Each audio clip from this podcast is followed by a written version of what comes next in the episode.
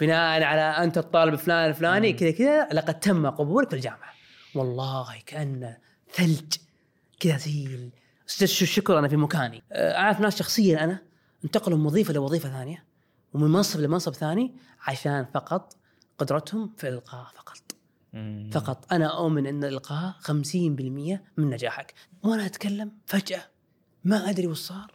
قلت أنا ما أقدر أتكلم. وقفت كذا فجأة. صراحة أنا زعلت جدا. وحتى خليت ال- ال- المؤتمر وطلعت رحت المسجد وصليت وقعدت وقعدت تقريبا أسبوع غير راضي عن نفسي. أتذكر أول يوم الشخص ما يقدر يقول أنا اسمي محمد. ما يقدر.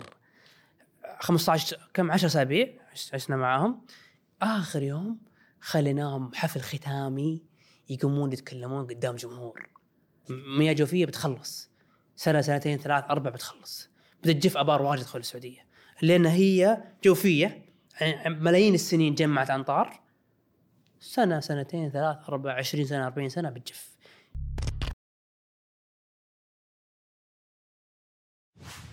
هذه الحلقة برعاية هاف مليون حياكم الله بياكم أنا أحمد عطار وهذا بودكاست بترولي. في كل سبت نستضيف شخصيات بترولية مميزة، نسمع قصصها ونناقش معها قضايا مهمة لكل شخص يريد صناعة مسار مهني عظيم. ضيفنا في هذه الحلقة هو المهندس محمد مقاوي. آه، مهتم بالمجال البيئي وخبير في تحلية وترشيد المياه. المهندس محمد عنده شغف منقطع النظير بالبيئة ويحاول يجاوبنا عن أسئلة ليش اليوم السعودية معطية اهتمام كبير بالبيئة. نسمع عن منطقة ذا لاين إلا كل خلينا نقول العمليات اللي فيها صديقة للبيئة. آه، أيضا مشروع 10 مليار شجرة في السعودية.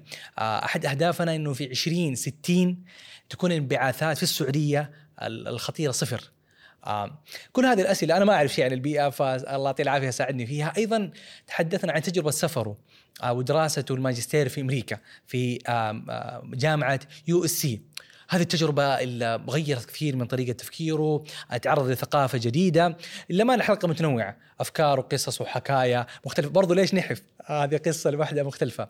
أتمنى أن أنتم تشتركوا في القناة تشاركونا آراءكم. أتمنى تشاركوني في التعليقات إذا لكم تجارب في السفر تعرفتوا فيها عن ناس مختلفين. السفر دائما فيه أشياء غريبة. أتمنى أني أشوف حديثكم عنها في التعليقات. أتمنى إنه تنشر هذه الحلقة لكل شخص. ممكن تضيف هذه الحلقة لي وتثري بشكل كبير. خلونا نبدأ الحلقة. حياك الله مهندس محمد.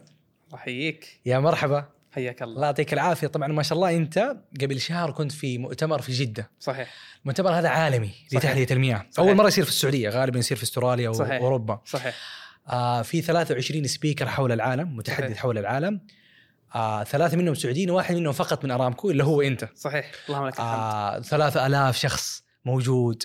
آه وجنسيات مختلفة وحدث مسجل. وما شاء الله أنت قدمت. أنت كنت الدكتور آه، يعني كلهم كانوا دكاترة. معاهم شهادات دكتوراه إلا أنت. معك ماجستير. أنت قبل سنوات صار لك موقف لدرجة انه أنت ما كنت تقدر تتكلم قدام عشر أشخاص. أنت اليوم قدام ما شاء الله 3000 شخص تتكلم. فبسمع عن التجربة هذه. إيش كان المؤتمر هذا؟ طيب. أول شيء السلام عليكم ورحمة الله وبركاته. أنا سعيد جدا أكون هنا معكم في برنامج ترولي.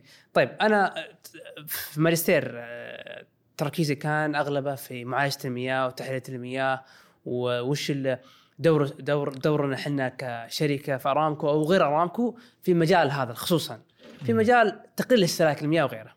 طبعا اللهم لك الحمد السعودية حاليا بدأت تستضيف مؤتمرات عالمية في المجال البيئي. قبل ثلاث شهور كان في أكبر من أكبر المؤتمرات موجودة في الشرق الأوسط في الرياض عن البيئة. هذا المؤتمر الآن صار في الرياض أيضا نتكلم عن البيئة. طبعا آه هذا المؤتمر في شركة عالمية اسمها اي دي اي هي منظمة عالمية بتاعت المياه أكبر منظمة تحليه مياه في العالم. صار شراكة بينه وبين التحلية سويك. التحلية شركة التحليه السعوديه للمياه. وسووا هذا المؤتمر في جدة. المؤتمر آه صراحة أغلب ال speaker زي ما قلت أغلبهم من برا السعودية.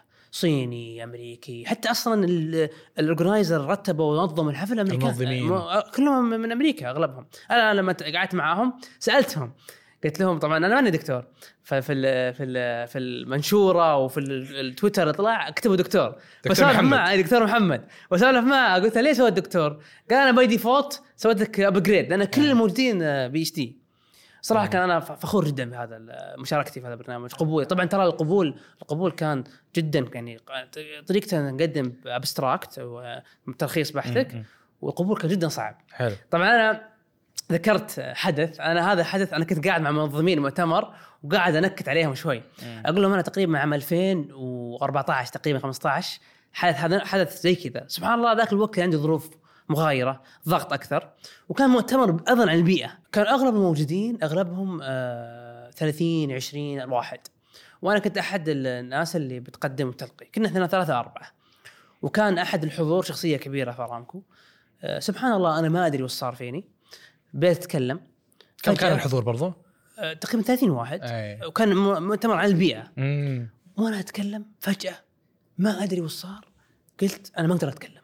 وقفت كذا فجأة. هذا الكلام 2000 وكم؟ 2014 ديسمبر تقريبا نوفمبر. كذا ثمانية سنوات. إي قبل ثمان سنوات.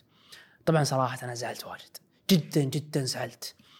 وحتى واضح اللي وثق فيني ذاك الوقت في إدارتي ولا غيره. يعني شيء يزعل ترى. صراحة أنا زعلت جدا. وحتى خليت ال- ال- المؤتمر وطلعت رحت المسجد وصليت وقعدت وقعدت تقريبا أسبوع غير راضي عن نفسي. وقررت قرار داخلي إني أنا مستحيل أطلع في أي برنامج أو أي حدث أو أي مؤتمر إني أتكلم. طول حياتي. طول حياتي. خلاص هذا قرار داخلي نفسي سو قررته. وفعلا لما طلعت أمريكا ورحت اديت ماجستير آه هذه الم- هذه المواقف سبحان الله لما يجيك ردة فعل إيجابية. تعرف في أمريكا اللغة الأم هي اللغة الإنجليزية.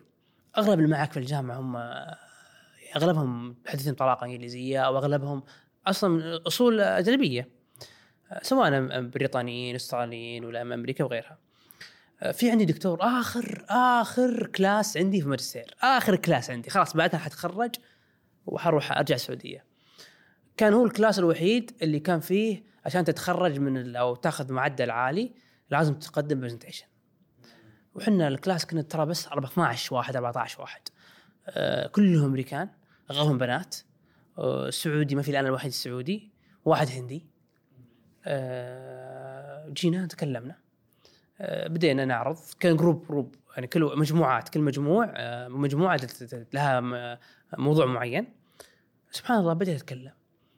بعد ما خلصت شوي قال الدكتور أنا ما أقدر أقول مين أحسن واحد لكن بعطيكم نصيحة لكم عامة. إذا أنتم group دائما خلوا آخر واحد هو أحسن واحد. لأنه هو يترك الانطباع في في المجموعة. ولو أنا مثلا أنا عندي group أنتم group بختار محمد آخر واحد. مم. سبحان الله هذه الكلمة هذه النقلة فرقت معي واجد.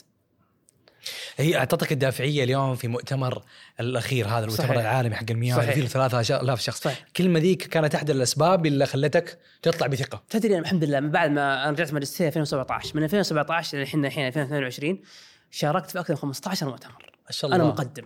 ما شاء في الله أشياء في السعودية أشياء برا السعودية. واجد. ما شاء الله. وواحد منها إن شاء الله بعد أسبوع. ما شاء الله. آه لا بعد عفوا مو بعد أسبوع بعد ثلاث شهور أربع شهور في أستراليا. ما شاء الله. عن أيضا بيكون هو أكبر واحد في العالم هذا في في المياه. بيكون يصير سنوي يتنقل. مرة في أستراليا مرة في النمسا مرة في إيطاليا. بيكون في أستراليا. اللهم لك الحمد فضل الله. تم اختياري أنا. أتوقع أتوقع شخصيا يعني ممكن أنا الوحيد العربي بكون موجود هناك. أه، أقدم هناك في المؤتمر هذا. تحب المؤتمرات بشكل عام؟ احب صراحة. أحب جدا أحب أحضر. إيش المميز في المؤتمرات؟ خليني أقول لك شيء. المؤتمرات فيها ثلاث ميزات بالنسبة لي أنا. أول ميزة أن أنت آه، تنشر فكرتك للعالم اللي حولك. حلو؟ ثاني شيء تتعرف على تتعرف على الناس. ترى أنا أؤمن بالعلاقات جدا. ثالث شيء تتعرف على شغل الناس الثانيين. تقنية جديدة صارت فكرة جديدة صارت تأخذها أنت تطلع ترجع في بلدك وتطبقها. إيش في مؤتمرات أو تجمعات كذا عالمية أخرى برضو ما زالت حاضرة في الذاكرة عندك؟ حضرتها أنا؟ أيوه. شوف في أحد المؤتمرات اللي حضرتها وكانت مرة حلوة في لونج بيتش حضرتها عام 2014 كان أيضا عن تحلية المياه. تقريبا هذا ثاني مؤتمر أحضره. أول مؤتمر أحضره كان في أورلاندو. أيضا عن تحلية المياه. أنا كل مجالي تحلية المياه. أنا أعشق تحلية المياه. وأنا في صغير يعني أنا أنا أول ما دخلت أرامكو على طول كان توجهي معالجة المياه وتحلية المياه وهذا هذا هذا أصلا هو الماستر حقي تخصصي في معالجة المياه. فأتذكر في لونج بيتش كان من أعظم وأفضل بيش إيش اي دولة؟ مدينه مدينة في لوس أنجلس. آها. اسمها لونج بيتش. أيوه. آه، على البحر المؤتمر كان. حلو. صراحة إي مرة. هذا مرة ما أنساه جدا. تدري أنا أصلا وأنا في أمريكا كنت ماجستير أحضر آه، آه، قدمت على مؤتمر وأنا داخل أمريكا. وكلمت آه، إدارتي وقلت لهم أنا ابى أحضر المؤتمر وبلقي وأنا في أمريكا. ورحت هناك وحضرت والقيت باسم شركتي وباسم ارامكو وأنا موجود هناك. فهمت قصدي؟ فأنا من فعلا أنا أنا أكتف في المجال أو اني فعال في مجال ال- ال- المؤتمرات. دائما أي مؤتمر أحاول حتى دخل ارامكو ترى. أي مؤتمر أي شيء أنا والحمد لله الحين لا له سمعتي الآن هم يجوني الناس يكلموني. أخبر إن أنت ألقيت موضوع معين في كذا. طبعا أقول لك شيء تنت أو شيء فكرة حلوة. دائما أنا في المؤتمر أكون لي يكون لي طبع خاص. اكون أكون آه، في آه، ما اكون رسمي جدا. أعطيك مثال. مؤتمر جده الأخير آه، أول ما رحت المنصة طبعا اللهم لك الحمد كان حاضر نائب وزير البيئة وكان حاضر ال- الرئيس التنفيذي حق اكوبر موجود. الحضور الحمد لله كانوا عدد خرافي. فأنا لما رحت حضرت أول ما وقفت أول ما د- المنصة قلت لهم أحس أني أنا في سجن. أنا عادة وأنا في الستيج أتحرك أروح يمين يسار في المنصة. فأنتم ساجنيني هنا. هذا طبعا هذا زي الدعابة تكسر الروتين. ثم بعدين آه، صراحة بديت المؤتمر آه، بصورة آه، سيدي محمد بن سلمان وكيف دور السعودية في ترشيد المياه وغيرها. وأنهيت المؤتمر الحين مثلا قلت لهم أنا سويت كذا وكذا وكذا. أنت العقل يمكن ما يعرف إيش سوينا. فجبت لهم مثلا صور معينة. طبعا مثلا أنا أعطيك مثال. أنا قلت لهم هذه السو... الأشياء اللي سويناها أدت إلى حفظ مثلا 100 مليون آه، جالون آه، من الموية. أنت ما تفهم هذا الشيء وش ما. تتخيله انت انت أحمد ما تفهم أتوقع. صح. فأنا جبت لهم أكبر مسبح في العالم. موجود في سان أنفورس في في تشيل. في تشيل أكبر مؤتمر في العالم. اكبر أكبر آه، مسبح. مسبح في العالم. آه. قلت لهم هذا اللي حفظناه هو يعادل هذا المسبح جبتهم صورته. فخلاص الذهن يربط. مم. هذا جزء من مهارات الإلقاء والحديث. الواحد تبسيط الأفكار استخدام الصور. صحيح صحيح. مم. هذا جميل. احد الأشياء اللي آه هذه المؤتمرات أنت برضو خلينا نقول عندك يعني تجربة الإلقاء تطورت عندك أكثر. أنت كان عندك في 2014 رحت طلعت ولسانك كان قبض ما قدرت تتكلم. انت اليوم في 2022 في مؤتمر عالمي قدام 3000 شخص. بينهم برضو صارت أشياء. يعني أحد الأشياء قلت لما رحت في الماجستير وقدمت والدكتور شكرك وقال لو تبغوا تخلوا شخص في الأخير يكون محمد. برضو نبغى كذا أفكار كيف الواحد لو عنده برزنتيشن لو عنده عرض كيف يقدر يقدمه بطريقة آه خلينا نقول آه رهيبة. في توتر آه في جمهور. كيف يتعامل الشخص مع هذا؟ شوف أو أو أول شيء أول شيء لازم آه، توكل على الله سبحانه وتعالى ويثق بالله سبحانه وتعالى. هذا أول شيء. ثاني شيء في أشياء بسيطة تعطيك الثقة في نفسك. حلو. اولا من مظهرك. ترى مم. المظهر الخارجي يعطي ثقة كيف الثوب. الأزرق طيب؟ لا لا. ولا غلطة. بس ترى مع إنه. صيف إيه كذا. حتى في الرياض ما يحب الثوب الأزرق، بس أروح. المظهر يعطي نطبق أنا آخر مرة في لما رحت جدة ترى لابس كرافته. وكذا وشغل حتى الصورة ضابطه فهمت قصدي؟ المظهر ترى يعطيك انطباع ريحتك وأناقتك. ثاني شيء تدريبك تكون متدرب جدا قبلها وحافظ. ثاني شيء تمكنك. أنت متمكن من معلومتك. معلومة حقتك أنت. مو مأخذها عن مثلا تعلمتها يومين ثلاثة. وثالث شيء تمكن اللغة عندك سواء لغة عربية أو لغة إنجليزية إذا كان في تمكن بتكون آه، متميز. إذا أنت خفت أثناء الإلقاء ممكن آه، أو أثناء يعني العرض في أشياء معينة ممكن تسويها. ممكن مثلا بدل ما تطالع في عين الشخص طالع مثلا في في منطقه الجبهه عشان ما تخاف. ممكن إنك تأخذ بريك معين ممكن تطيح شيء معين في الأرض. وترى إذا أنت مرة مرة مرة مرة تخاف ترى ما في معنى إنك تقرأ ترى. لأن مشكلة إنك تقرأ من ورقة إنك ممكن تفقد التواصل مع الجمهور. بس هذه كبداية آه، ممكن نقولها. أنا ليش كذا مهتم بالقصة هذه صراحة؟ لأنه يعني من شخص عاش تجربة كانت سيئة في الالقاء واليوم. هو يقدم مؤتمرات سواء محلية أو عالمية. وقلت حاجة إنه أهم شيء كسر كسر الحاجز هذا كسر الحاجز. وبعض الأحيان موقف للأسف في البداية يحبط الواحد وممكن سنوات يكون عائق بالنسبة له ما قدر يعالجه. آه بس بعض الأحيان المرة الأولى والمرة الثانية تكسر الهيبة. عشان كذا في ال Toastmaster يمكن هذه منظمة عالمية معروفة هدفها إنه هي تحسن مستواك في الإلقاء. آه عندهم أول خطبة اسمها كسر الجمود صح؟ أنت في زي الآيس يسموها آيس breaking، بريكنج صحيح. إنه أنت يعني بدايتك في الإلقاء كأنها ثلج. انت اليوم اول مرة مع ثاني مرة تذوب تصير زي الموية متلون وسريع وحرك. آه وكل ما تبدأ بدري وتجرب كثير وتغلط كثير كل ما يكون أفضل. أنا أنا هنا فعلا كلامك صح. الدليل آه اللهم لك الحمد أنا آه، أشارك في برامج إثرائية كثيرة واجد. وقبل سنتين آه، شاركت في برامج أنا مدير البرنامج هدفه فقط الإلقاء. كان عندي 15 طالب. أتذكر أول يوم الشخص ما يقدر يقول أنا اسمي محمد. ما يقدر. 15 كم؟ 10 أسابيع عش- عشنا معاهم. آخر يوم خليناهم حفل ختامي يقومون يتكلمون قدام جمهور. بالتدريب. كل أسبوع مرتين. اعطيه ice breaking قوم تكلم مع هذا خذ خذ هذا. اللهم لك الحمد. هذه أشياء أنا أفخر فيها. إن شاء الله بعد أسبوعين بعد العيد إن شاء الله بيكون لي برنامج أيضا خاص في الإلقاء. وكيف أنا أقدر أكسر آه، جمود الشخص هذا. وزي ما قلت أنت تبدأ وأنت صغير. لما تبدأ وأنت صغير متوسط ابتدائي أنا كنت وأنا في ابتدائي متوسط أشارك أنا إيش خلاني ليش هذه مهاره أحبها؟ كنت أشارك في الفسحه ما أدري عندكم هذا الشيء ولا لحقتوا عليه؟ في فسحة الطابور الصباحي ولا ال- الفسحه ولا غيرها. كنت أقوم وأشارك سواء برامج. أنا أتذكر أحد الط- الطابور الصباحي مرة كنت لابس شماغ وطار شماغ وضحكوا كل المدرسة علي. وأنا حط شماغ من الأول حطيتها على رأسي وكملت. فاهم اي بعدين في الثانوي كنت أنا يوميا يوميا أشارك الفسحة. أتكلم. يوم أتكلم أنا المقدم الفسحة يوم أنا الحكمه عندي يوم أنا كذا.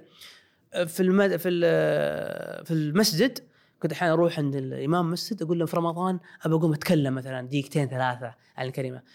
ولا مهاره الالقاء ترى المهارات اللي تفتح أبواب مرة كثير. أتفق معك 100% أنا أشوف الحين رؤساء دول صاروا آه، مهم إنه رؤساء دول صاروا رؤساء دول بناء على خبرتهم في الإلقاء. صح. وق- وقناعه ما شاء الله تبارك الله آه، أعرف ناس شخصيا أنا انتقلوا من وظيفة لوظيفة ثانية ومن منصب لمنصب ثاني عشان فقط قدرتهم في الإلقاء فقط. فقط. أنا أؤمن إن الإلقاء 50% من نجاحك. ترى أنا أتكلم الحين الإلقاء ترى مو بالشرط الإلقاء في ال- تواصل presentation. بشكل عام. ال- ال- ال- ال- اللبناني اللي يقنعك تشتري منتجات تسويق. اي دائما يفوز ترى. دائما يفوز. عنده خبره القاء الطبيب ترى لما يقنعك في في عملية معينة. أنا أتذكر مره مرات طبيب دخلت مستشفى أنا طيب ما قنعني في العملية. إيه. إيش سويت؟ اخذت ملابسي ومشيت. أوه. إي المدرس القاء الخطيب في الإلقاء القاضي في الإلقاء ترى الإلقاء نستخدم في كل حياتنا ترى. لما أقول لك القاء أنا ما مو قصدي إلقاء قدام جمهور بعد. حتى بين اقناعك شخص لشخص. أنت بكرة فتحت محل فتحت مطعم. كيف بكرة تقنع الناس بطريق بطلب معين منيو معين توصل فكرة معينة؟ الآن الجماهير ال social media. متميزين في القائهم أو طريقة تواصلهم مع صحيح. المجتمع كيف يقنع بطريقة أنت كنت ما شاء الله تقنع الدكاترة إنه يعطوك A plus هذا ترى التعاون مع الدكاترة الجامعة ما هو سهل. جدا. وش دكتور وهو بيده يعني الدرجات وفي الأخير طلاب كثير يزعجوه. بس يعني ما أدري عندك تكتيكات كذا معينة ما أدري ينفع نقولها ولا لا؟ إنه كيف تقدر تاخذ ال A plus كيف تقدر تاخذ plus؟ أيوه ما هو بالدرجات ما هو يعني المذاكرة هذا شيء بس لا أنا علاقتي الشخصية مع الدكتور ممكن أرفع نفسي. درجة ودرجتين أنا أتذكر مرة مواقف اللي يمكن قبل قبل الهوا قلت لك عنها. مرة مرات في بترول ها في البترول عشان ما حد يقول في أمريكا. في البترول رحت آه، البيت وفانا الإكزام واختبار النهائي معاي في الشنطة. بعد ثلاث أيام. الإجابات ولا الأسئلة ولا؟ الإجابة. ورقة الإجابة. أنا كان يمديني أرجع البيت وأغير إجابتي. لا ما ما فهمنا. أنت دحين اختبرت وصححت الاختبار. أيوه. وأنا طالع بدل ما أعطي الدكتور ورقة الإجابة اعطيت وقت الأسئلة. بالغلط. بالغلط. ورقة الإجابة معاي في الشنطة. رحت البيت نمت ثاني يوم ثالث. ثالث يوم دق علي الدكتور السلام عليكم. قال لي أنا ورقتك فقدتها ما أدري وينها. وفضيت الشنطة قلت هو دكتور معاي ورقة. قال لي خلاص جيب لي إياها بعد شوي. ببساطة. ببساطة. والله وأنت أشهد عارف إنه في أسئلة غلط فيها ممكن تعدل والله إني ما عدلت شيء. أشهد الله إني ما عدلت ولا شيء. والدكتور جاني ترى تقدر تقول خلاص لا لا لا والله ما الدكتور جاني قال لي بعدين كلمني قال بناء على درجاتك ترى أنت تستاهل C plus لكن أنا عشانك أمين هذا B plus يلا هدية. فيعني فأتوقع يعني هذا الموقف ما الدكتور أعطاك الثقة إلا لأنه أنت أو من أول علاقتك معاه كويس أصلا. إي طبعا. أول ما جاء الدكتور طبعا جاء من كان كان دكتور في النرويج وجاء هنا ما يعرف ولا شيء. فإحنا استقبلناه بالاحضان لطيفة. أوه. وعلمناه نروح ونيجي وديناه مطاعم وعلمناه وجينا جروبات وكذا. وعلاقتي معه كانت مرة حلوة. صراحة أنا علاقتي مع الدكتور علاقة احترام مهما غلط. وفي تركات معينة أنا أستخدمها صراحة. أنا أبغى تريكات أ- أعطيك شيء والله اني ما أمزح. أنا الحين مثل أعطيك مثال. مثال آه، واقعي. مثال واقعيين. يلا. أنا دخلت البترول. صراحة أول ما دخلت الإنجليزي عندي مو مرة قوي. مم. في دكتور آه، تعرفون من مرض العنقز؟ مم. عرفتوا مرض الح- أيوة، الحمى يطلع في. الوجه أيوه أيوه. هذا يجي الأطفال صغار. صحيح. تخيل جاني من البترول جاني. أوه. جاني والله طبعا لما يجيك وانت كبير يهد حيلك تتعب تتعب تتعب مرة. أنا جاني وأنا صغير. طبعا الناس قالوا روح سبح ماي البحر وسبحت ست سوءا. وكل واحد يفتي روح أكل ثومه. آه. كل واحد يألف والله العظيم. أتذكر إني كل يوم أتعب أكثر. فغبت عن الجامعة تقريبا أسبوعين ثلاثة وكان وقت ال final exams أوه. قبل ال final exams أسبوعين سنة ثلاثة. ثانية ثالثة. أول ثا... آه، مو مو اوريا بعد الاوريا سنة freshman. ثانية إيه. freshman فأتذكر دكتور آه، جاني آه، دخلت عليه. قلت له يا دكتور أنا ما اختبرت لا 1 ولا 2 ولا 3 ولا 4 أربع اختبارات أنا ما اختبرتها. كيف أعيدها؟ هذا العذر الطبي حقي. قال لي اسمع كلها في المارك. روح السلام عليكم. تدرون تتوقع ليش؟ تتوقع هو النرويجي هذا ولا؟ لا لا واحد ثاني هذا واحد هذا بريطاني. آه. تتوقع ليش؟ أه. حليوة كنت. أي حليوة دب كنت أنا ذاك الوقت. عشاني أشجع نادي مانشستر يونايتد. أوه. وأجي التيشيرت مانشستر وإذا جاء مانشستر فاز ومانشستر فاز ومدري إيش وكريستيانو ورونالدو مدري إيه وكذا. والله بس قال لي انت أصلا تشجعه ولا بس لا لا, لا عشان أنا أشجع أنا أشجع كويس. أصلاً. أجي أجي الجامعة لعبت تيشيرت مانشستر وإذا فاز مانشستر أجي أوه مانشستر واحتفل. هذا أيضا هذا نفس الحدث في أمريكا. إيه. درست دكتور إيراني وكم مره اتناقش أنا وياه لكن بحكم إني ماجستير لما أجي والله أتذكر دخلت اختبار أخذت 20 من 100 20 من 100 في الأخير ما أخذ إيه؟ كيف؟ إيه. ما في أي منطق إلا إني أنا إيه. فهمت قصدي؟ دائما يقول لي مانشستر ومش ما جول جلوري جلوري مانشستر يونايتد. ونحلل المباراة مع بعض والتيشيرت مانشستر. آه. فكان مانشستر يونايتد أحد ال ال ال ال أحد الأسباب اللي رفعت الأسباب اللي رفعت grade أنا متأكد 100% مم. متأكد ولا في ولا والدكتور هذا أبشرك درس ثلاث مواد من أصل تسعة في مانشستر. فتخيل مانشستر يونايتد هذه أخذت معاه. أول مرة B plus ما كان يعرف إني مرة أحب مانشستر يونايتد. بعدين A A plus. فتخيل أنت. وكلها بس- 20 40 يعني كلها. لا لا لا أنا المشكلة اشجع برشلونة. أنت ما شاء الله فترة الماجستير كانت آه، مثرية بالنسبة لك. جدا سنتين. جدا. رحتها بعد ال- الوظيفة بكم سنة؟ ثلاث سنوات. جميل. طبعا أنا تخيل إلين ما توظفت ما قد سافرت برا السعودية طول حياتي. مم. لما توظفت عام 2012 مهم. في سنة في سنتين سافرت يمكن خمس مرات ست مرات. رحت أول شيء مع الدوام رحت ألمانيا. كانت رحلة جميلة جدا. جميلة جميلة. أي زيارة فقط. زيارة زرنا معمل هناك حق ملح. أي. مع مع منظمة آه، آه، حق الصدى مكافحة الصدى من الصدى. معليش هذه ميزة الشركات الكبيرة إن هي ترسلك. برا وت- دورات. ممت- هذا من أفضل ميزات الشركة ما تلقاها في الشركات الصغيرة. صراحة ما تلقاها لأن هي تسعى تطوير الموظف وتصرف عليك في الرحلة يمكن 200 ألف ما ما عنده مشكلة. يعني يعني خلينا نقول تصرف مبالغ طائلة صراحة على حسب مدة. تصرف إيه. مبالغ طائلة جدا. يعني ماجستير الحالة هذا شيء آه، آه، أحد- السنتين بالجامعة سنتين. وراتبك مصروف راتبك صحيح. هذا ميزة متميزة في الشركات الكبيره مثل أرامكو وسابق وسبكيم وغيرها. دائما تسعى تطوير الموظف. حلو. لأن تؤمن هو إن الموظف بيجي بيفيدني. وهذا شيء تشوف فعلا موجود. فانت رحت الرحلة هذه كانت فين؟ أول رحلة رحت ألمانيا. ألمانيا. بعدين رحنا أول زي- مرة تخرج برا المملكة؟ أول مرة برا المملكة. أول مرة تركب طيارة؟ أول مرة ركبت طيارة. رحت جده وكذا آه. أول مرة برا دولية. ألمانيا. دولية. أي، حلو. دخلت مطار. صدمة حضارية ثقافية. صدمة مو طبيعية. أتذكر دخلنا مطار ميونخ. وطالع. الشجار والسيارات الأوروبية والجو الحلو. ما كنت شفت جو حلو بحياتي فهمت؟ إيه. دائما في الخليج حر حر حر. أحلى شيء جو أبها. إيه. فأنا صدمة حضارية. أنا ما استوعبتها إلا بعد يمكن ست شهور. آه. صراحة. ما أعرف ولا شيء. اللوب المطار الفنادق والأوروبيين وهذا الشيء كان خرافي بالنسبة لي. مم. صراحة رحنا ألمانيا كان إحنا جروب كنا حول 30 واحد. حلو. بعدين رحنا زيلامسي. بعدين خوياي رجعوا السعودية ورحت أنا وخوي آه، آه، سويسرا. آه هذه كم كانت مدة الرحلة هذه؟ تقريبا أسبوع ونص آه، ما أسبوعين. شاء الله كله. صراحة كانت جدا من أحلى التجارب من أحلاها واعظمها ما أجملها صراحة. ما شاء الله. كانت حلوة جدا. هذا أول سفره لي بحياتي. مم.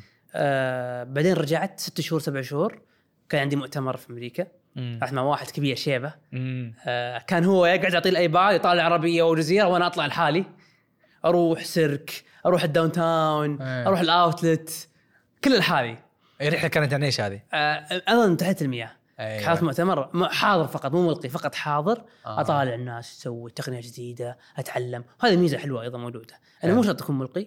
أحيانا تكون تروح تتعلم وتجيب ثقافة جديدة تجيبها وتحطها عندك في. وتسوي لها ت- تطبيق في عندك في المعمل. بعد الماجستير؟ بعدين لا. بعدين رجعت مرة ثانية ست شهور رحت مرة ثانية لونج بيتش لوس انجلس حضرت أيضا مؤتمر في البيئة. حلو. آه طب كويس كل الدوام صار في أرامكو في, في مؤتمرات. والله شوف هو هو آه ترى مو كل الناس كذا. يعني أنا آه. حسب التخصصات ممكن تكون وحسب مكانك في القسم. إيه كان أنا أبغى وظيفة كل في شهر أروح ذاك الوقت كان في شخص بيتقاعد هم مؤمنين علي أنا. آه. فكنت أطلع واجد مؤتمرات وكانوا واثقين فيني مثلا يعني أحد السبل إنه الشركة كانت تطور الموظف إنها توديه مؤتمرات. اي طبعا صحيح. خذ أيه. ذاك الوقت شيء جديد. إلى يومك هذا في ناس يطلعون برا يتوظفون سنة سنة يتوظف. في شركة ثانية. شركة ثانية برا السعودية. آه. سنة ويرجع. أوه. ويجي ويطلع زي فهد المولد لما راح في ذا. إيه. سنه من إسبانيا. الدوسري اسبانيا. الظاهر زي. كذا أتوقع في شركات تسويها برضو يعني يصير في تبادل زي إحنا مثلا في جامعة البترول وجامعات برضو كثير إيه في صح. المملكة إيه إيه. إنه الطالب أحد الأترام ما يدرسها في جامعته. الأساسية. يدرسها في جامعة مثلا سواء في السعودية وبرا السعودية أتفق يسوي. له refresh آه يجي بثقافة مختلفة ينقل ثقافة الجامعة حقته أو الشركة حقته إلى الجامعة الثانية صحيح ويجي بثقافة جديدة صحيح فيصير في تنوع في المكان أتفق معك مرة مرة أنا أبغى أسافر ترى اذا المؤتمر جاي فيه أي مياه في أي مكان في العالم. أنا احتاج اسافر مثلك ترى. بس انت ما شاء الله سافرت كثير. أنا السفر والله السفر فيه ميزة. أول شيء ترفيه عن النفس. حلو. تشوف ثقافة جديدة. حلو. تتعلم أكلات جديدة. حلو. آه، حتى ال- يعني يعني حتى تت- تتخذ قرارات. يعني يعلمك أنت كطالب ولا كواحد جديد أنت لحالك هناك مثلا. أنت تعتمد على نفسك.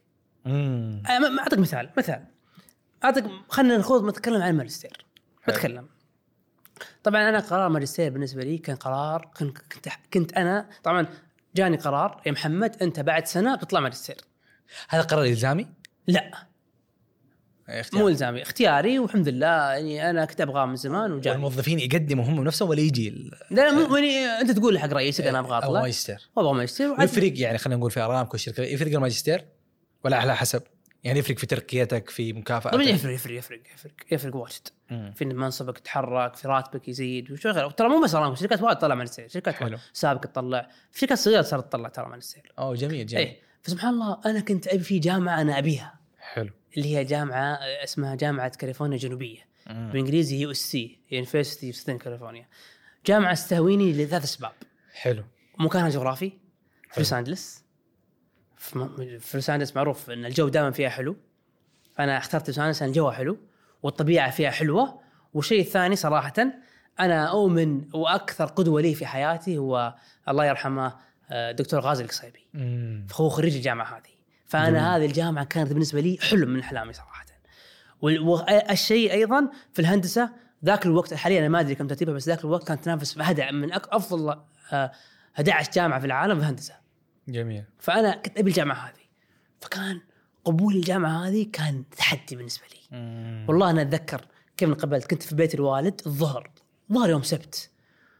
أتذكر قبلها بيومين أنا دقيت على المسؤول في الجامعة اللي عنده ملفات القبول. كلمته السلام عليكم. هاي جود مورنينج مدري إيش كذا. قلت له يا أخي أنا في هناك طبعا عشان تق- تقبل في اختبار TOEFL اختبار GRE قلت أنا اختبار ال GRE جبت الدرجه هذه. وعندي اختبار بعد أسبوعين. أختبر هذا زي القدرات زي. القدرات بالضبط. أختبر ولا ما أختبر؟ قال أعطني رقم الجامعي حقك أعطني رقم الجامعي. جاء قال لي لو أنا بدالك ماني مختبر. أعطاني هذا زي كذا شعور مريح أرتاح شوي. بعد أسبوعين يجيني إيميل زي اللتر كذا زي شيء رسمي. يقول لك بناء على أنت الطالب فلان الفلاني كذا كذا لقد تم قبولك في الجامعة. والله كأنه ثلج. كذا زي شو الشكر أنا في مكاني. أحلى من قبول البترول يعني؟ يا أخي شوف أنا هذا الشيء أنا هذا الموضوع أنا زين جبته. يا أخي أنا لاحظت برا وأتوقع بترول بدأت هذا الشيء يا أخي البرا لما يتخرج من الجامعة ينتمي للجامعة بكل شيء. يا أخي لما كل مؤتمر يجي يطلع فيه كل مكان كل شيء أنا اسمي فلان الفلاني خر... يبدأ ما يقول عمري ما يقول خريج جامعة فلانية. يدعمون الجامعة فلوس. اي بس حقون البترول مزودينها يا شيخ. ليه؟ مزودين يعني كأنه ما في حد غيرهم متخرج من جامعة في كل يعني مكان. فخورين يعني. بس بزيادة بعض الأحيان يكون مزعج للناس. يا أخي إذا أنت جامعة قوية طيب إذا جامعتي ما هي قوية يعني ما أقول الجامعة يعني ولا. ما فهمتك. يعني انت دحين ممكن البعض يتحسس انه أنت عارفين إنه جامعتك كويسة بس إيه. أنت لما تقولها في كل محفل وكل مكان كأنه تقول ترى أنا أعلى منك تكة. كأنه ترى أنا فاهم أحسن منك. كأنه فكثره الفخر هذه ممكن تزعج الناس. صح أنا أتفق معك. أنا أتفق معك بس يا أخي إذا أنت كرفت فعلا وتعبت على نفسك وأنت تشوف نفسك أس- افتخر أفتخر بأشياء ثانية. أفتخر بانجازاتك بشكل عام أفتخر ب احد أحد والله معنا ما ما أنا ممكن هنا في قضية مفصلية زعلانه تقول لي غير اسم البودكاست قلت من غير. شفت كيف؟ تدري أنا الحين ال mug حقي حق كوب الشاي أو كوب القهوة حقي مكتوب في جامعتي USC. تيشيرتات. وهذا شيء حلو ترى. وأتوقع بترول بدأت تسوي. أنا أغلب الجامعات في أمريكا عندهم آه market كبير تخيل تيشيرتات جزمة الله يكرمك mugات كل شيء كل شيء كل شيء مم. يبيع عليه شعار ال- الجامعة مم. هذا شيء حلو أتوقع بترول بدأتوا كذا صح؟ سووا يسوون كذا بترول؟ إيه، مجموعة منتجات فيها اي منتجات اي ما لسه والله العظيم أنا أتوقع فيه آه يمكن فيه لا لا, لا. أنا أتوقع فيه إيه. صراحة شيء حلو مم. مرة كل جامعة هناك ترى ناكس ناكس في الجامعة في تنافس آه، تنافس قوي بين الجامعات أعطيك إيه. مثال. إحنا أنا USC حلو. زي هلال أو أيوه. النصر. وفي جامعة ثانية اسمها يو سي إل اي إيه هذا زي النصر والهلال ضد بعض. حلو. دائما ضد بعض دائما كيف ضد بعض؟ يعني يتنافسوا الخريجين يتنافسوا الخريجين الترتيب. الترتيب. هذا مليونير هذا مليونير. هذه أنا داع يجي يطلع أنا دعمت الجامعة ب 10 مليون. أوه يطلع خريج يدفع للجامعة. يدفع الجامعة طبعا. أعطيك مثال في ولايتين مختلفة هم ولا؟ لا نفس المدينة نفس المدينة. زي كذا التنافس زي كذا قلت لك. هلال ونصر أنا. معي أعطيك مثال أنا مرة مرات الساعة 11 الليل طالع من المكتبة أذاكر قاعد أمشي إلا أشوف كذا نص الجامعة الجامعة في دب كذا قاعد يحرقونه لا إله وعليه شعار الجامعة الثانية شو السالفة؟ قالوا بكرة إحنا مباراتنا كرة قدم أمريكية مع مع الجامعة الثانية وهذا شعار هذا إحنا نبي يعني نعطيهم درس آه. تدري هناك كل جامعة لها شعار معين آه. ومثلا إحنا جامعتنا شعارنا الفارس المغوار على قولتهم آه. آه. حلو فاحنا عندنا نص الجامعة تمثال آه، فارس كذا راكب حصان وفي زي السيف معه كذا. تدري قبل المباراة بأسبوعين طلاب الجامعة ما ينامون انتداب انت يا أحمد من الساعة 7 للساعه 7 8 تقعد ما تنام انت من إيش 9 يسوي؟ يحرس تحرس احرس إيش؟ تحرس تمثال عشان احتمال ينسرق لأن قبل خمس سنوات الجامعة, الجامعة الثانية جو في الليل وسرقوا التمثال وراحوا ودوه الجامعة الثانية. زي سووه يعني أنا أسيب الدراسة دحين وأسيب ال- المشاريع حقتي وأحرس تمثال الجامعة والله إي والله العظيم خلاص بينك وبينهم. تدري إيش سووا جامعتنا؟ أو جامعتي حقتي؟ إيه. أجروا هليكوبتر. لا إله إي والله العظيم. وراح هليكوبتر وناس ودخلوا وداهموا الجامعة وسرقوا الشعار رجعوه. ترى شيء مجنون. إيه. والله شيء مجنون. واحدة من أفضل الجامعات في العالم. إي ترى التنافس بينهم قوي. أنا أتذكر لما تخرجت الماجستير جانا إيميل إن صارت جامعتنا أول مرة الظاهر في التاريخ أعلى في الجامعة أعلى منها. ونادوني تذكرة. تعال تذكرة نص 50% خصم. تذكرة طيران بس تعال لنا. في حفلة. في حفل حفل على مستوى الولاية. أوه. مو طبيعي مو مجانين مجانين. صدق صدق صراحة. والله شوف أنا أحس الانتماء المفروض يكون تعززوا الجامعة والطلاب برضو مهما كانت الجامعة يعني الواحد اليوم مهما كانت جنسيته ولا موطنه المفروض يكون عنده حس من الانتماء. الدولة هذه فيها خيرات ولا ما فيها خيرات متميزة في مشاريع أو ما هي متميزة. حس الانتماء المفروض يكون موجود. آه ولما بعض الأحيان التجربة تخلي آه انتماء شخص ليها أكثر من غيرها صح. مثلا في البترول صح بحكم إنه الشخص غالبا يكون مغترب حلو حلو بحكم إنه بعض الأحيان لما يتخرج يلقى فرص أفضل إيه. فهذه تحسس الانتماء صح. بس نرجع إنه المفروض الواحد يحس بالانتماء هذا والجامعة والبيئة آه، تحفز على الانتماء هذا آه، مهما كان خلينا نقول مرتبة الجامعة ولا تميزها عن غيرها. قبل ما نكمل الحلقة خليني أعطيك نبذة عن تطبيق كالو. للأمانة أنا من الناس اللي دائما ما أعاني في موضوع الوجبات. آه وجباتي غالبا ما هي صحية مواعيدي غير منضبطة بشوف أقرب مطعم موجود عندي وبطلب سواء صحي ولا غير صحي غالي ولا رخيص. عشان كذا الاشتراك في تطبيق أولا يحسب سعراتك الحرارية يحدد هدفك. هل أنت تبغى تنقص وزن تبغى تزود عضل ويقدم لك وجبات تتناسب مع هذا الاحتياج. وفوق كذا يوصل لك الوجبات إلى مكان عملك أو منزلك. آه، أصدقائنا تطبيق كالو بيقدموا لك كوبون خصم عليه 10% آه، شيك الرابط في الوصف. آه فخ... برجع أسمع إذا كان في تحدي كبير في الجامعات يعني أنت تتفق إنه الانتماء هذا صحي. جدا. الدليل اعطيك مثال آه أنا خريج آه، مدارس الظهران الثانوية حلو. مو الأهلية العادية. آه أحد خريجين الجامعة آه هو CEO حق شركة ريتال. حلو؟ إحنا بنخش المدرسة عفوا أحد خريجين المدرسة. حق الظهران. حق الظهران الثانوية آه اللي هو البريكان.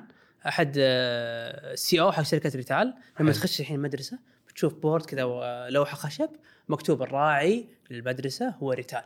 حلو. مكتوب. أوه. تخش. آه مثلا مثال هو دي هو الآن لما أتخرج من المدرسة سوى شركة الشركة هذه صارت تعطي فلوس للمدرسة. أيوه يصير لها دعم معين. يعني أنا أتصور إنه مثلا في حفل معين جواز معين شيء معين. الخريجين اللي ما شاء الله صاروا عنده فلوس عندهم وسي ترى اوز ترى هذا الصح. أنا أشوف هذا شيء هيلثي هذا صحي ترى. إن أنا الله رزقني اللهم لك الحمد. مم. بعد فترة يا أخي بالعكس أنا وجزء من يعني ولائي أو جزء من آه، يعني رد الجميل إني أروح وأشوف من اللي دعمني عشان أوصل كذا. أيوه. مثال آخر آه، راعي شركات سولت مطاعم سولت وباركرز خريج مدارس ظهران الأهلية. قبل ست شهور سبع قبل شهرين ثلاث شهور سوى سوت حفل. هي واحدة جابت آيس كريمات ببلاش وزعتهم على الطلاب وكذا. وغيرها أتوقع أمثلة واجد. مم. خريجين مدارس أو خريجين جامعات يا أخي إذا أنت الله بكرة فتح لك. أقول لك شيء. في في ال في عندنا في في ال USC جامعتنا آه، أسماء ال- القاعات على اسم خريجين. أوه. هذا شيء حلو. قاعه أوه. مثلا أحمد عطار. ليش أحمد عطار. قاعته؟ كان خريج هذا غالبا جامعه قاعة كورة يعني ما إيه، بعد ما ولا مطعم. مطعم. مطعم الجامعة يكون باسمه. بعد ما تخرج دعمنا إن إحنا مثلا نسوي البحث الفلاني إيه. دعمنا المشروع الفلاني. وفعلا إحنا كل يوم نسمع تم دعم الجامعة بمبلغ 10 30 70 مليون من فلان الفلاني أحد خريجين الجامعة وهو فتح على شركة كذا كذا. ترى هذا شيء مرة صحي. هذا بشكل مستمر يصير؟ دائما سنويا. وجامعة حق USC لا قوية. من أكس من أكثر القوة اللي فيها تخيل يجيها دعم سنوي إلى 300 مليون. من الخريجين. دولار. من خريجين أوه. من خريجين أنا فاهم؟ قاعد أقول لك من خريجين. آه، أعطيك شيء ثاني حلو في في الحياة الجامعية. أنا أتذكر حضرت آه، نزلت course في معالجه المياه. دخلنا أول أسبوع في دكتور جامعه اليوسي في يو سي في يو سي جامعة يو سي. دخلنا الجامعة جاء الدكتور اشتري لك طبعا الكتب مو زي بترول يعطيك هديه تشتري كتاب. فقبلها بأسبوع تروح تدور كتاب والكتب هناك غالية ترى ب 200 300 دولار. تشتري كتاب. أول ما دخلنا ال class اخذنا ال- الدرس الأول الدرس الثاني فجأة دكتور دخل علينا الحصة الرابعة. طبعا class في الليل ماجستير جاء قال شباب قطوا الكتاب. ليه؟ جاني كلمني محافظ لوس أنجلس عندهم نهر نبي نعيد إحياء هذا النهر مرة ثانية. يلا ركبوا سياراتكم على النهر يلا. أوه سبتوا ال class. خلاص؟ في quiz وفي ولا- منهج curriculum لازم يمشي ولا عليه. curriculum ولا شيء. ولا ندري إيش معنى curriculum أصلا. وصار توجيهنا كله كيف نعيد إحياء. جلستوا يعني؟ خلاص semester كامل. ال semester كامل؟ كامل. gradeك في المادة يعتمد على أدائك في المشروع في هذا. المشروع هذا بحث. وقال الدكتور سلمنا بحث نهائي كلنا كل class كامل قسم. أنتم group A تمسكون آه وشو مصادر إحياء النهر؟ أنتم group B group B تمسكون تقولون إيش الم... إيش الأشياء اللي أث- خلت النهر كذا؟ أنتم group C نبي نسوي حلول مستدامة. عشان لو رجع النهر آه تكمل. حلو. وكان كل البحث كل الماده كذا. إحنا تقريبا كنا 16 واحد. ما عوضتوا سبتات طيب. لا اختبار نهائي لا final exam ولا شيء. كان هذا هو فقط ال- ال- مجال ال- البحث.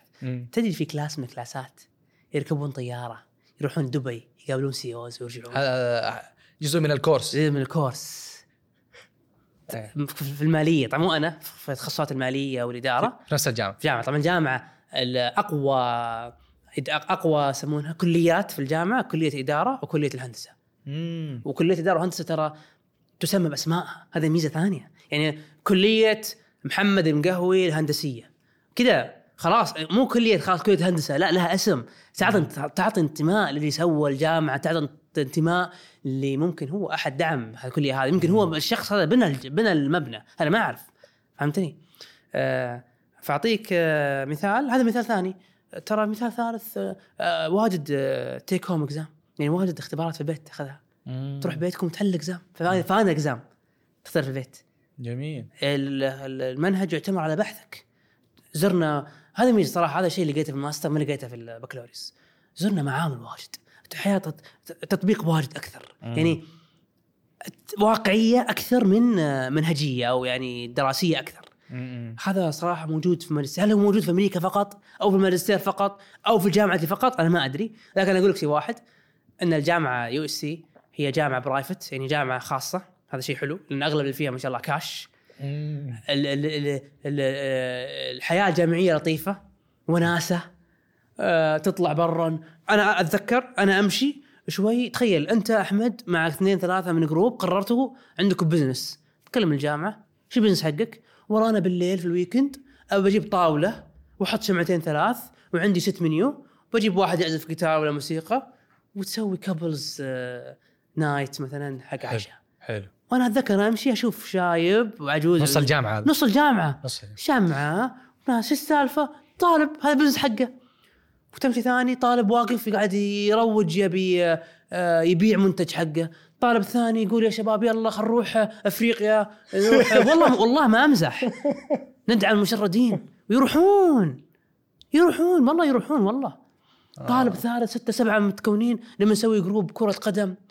طالب ثالث لما نسوي group قراءة كتاب group ثاني نبي نسوي وعي آه، كيف نغسل الملابس صح. والله في الجامعة أكثر من 170 نادي. ومفعلة. مفعلة. والله ما أمزح. صراحة عالم ثاني هناك عالم. اي أنا أقول ليش الناس اللي تروح ما ترجع المبتعثين؟ إيه، ع- عالم أنا. عالم ذا. وأنا أتذكر أحيانا أتأخر في ال class أنا أركض ركض. آه، وصفقوا لي كذا. صراحة. اوريا أوه لا ما في اوري ما في.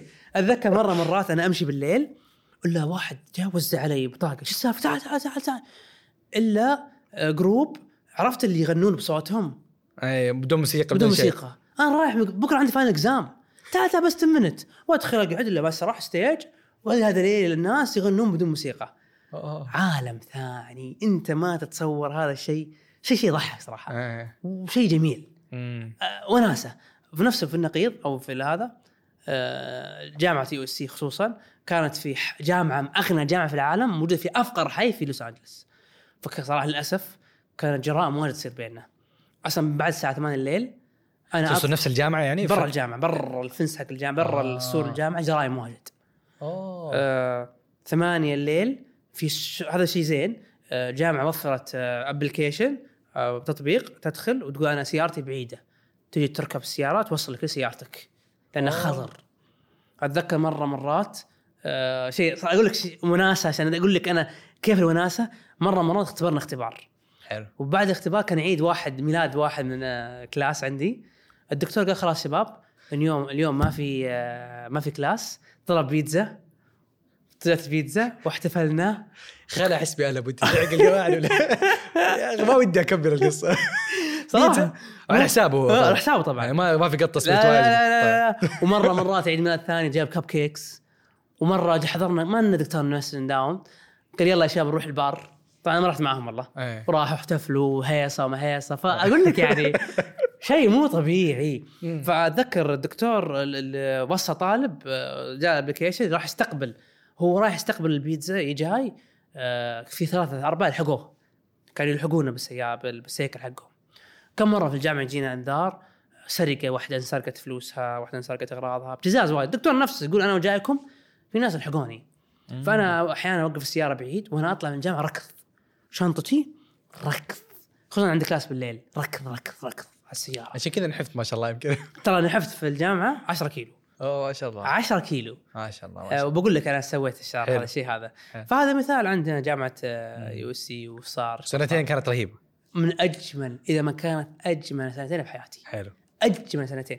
أعطيك آه نبي نخش الماجستير اي بسم الله. يا أخي ما سألتني من زمان يا أخي. أنا أنا مبسوط أنا في أكل وبيتزا. يا أخي اسألني يا أخي. لا أنا... روح طيب. أبطيك. أول ما رحت آه طبعا أنا سويت قبل ما أتزوج أنا أعرف هذا وأنت في السعودية؟ وأنا في السعودية. حلو لسه ما رحت ما الماجستير رحت أمريكا. أول قرار سويته هو أصح قرار. حلو. تزوجت.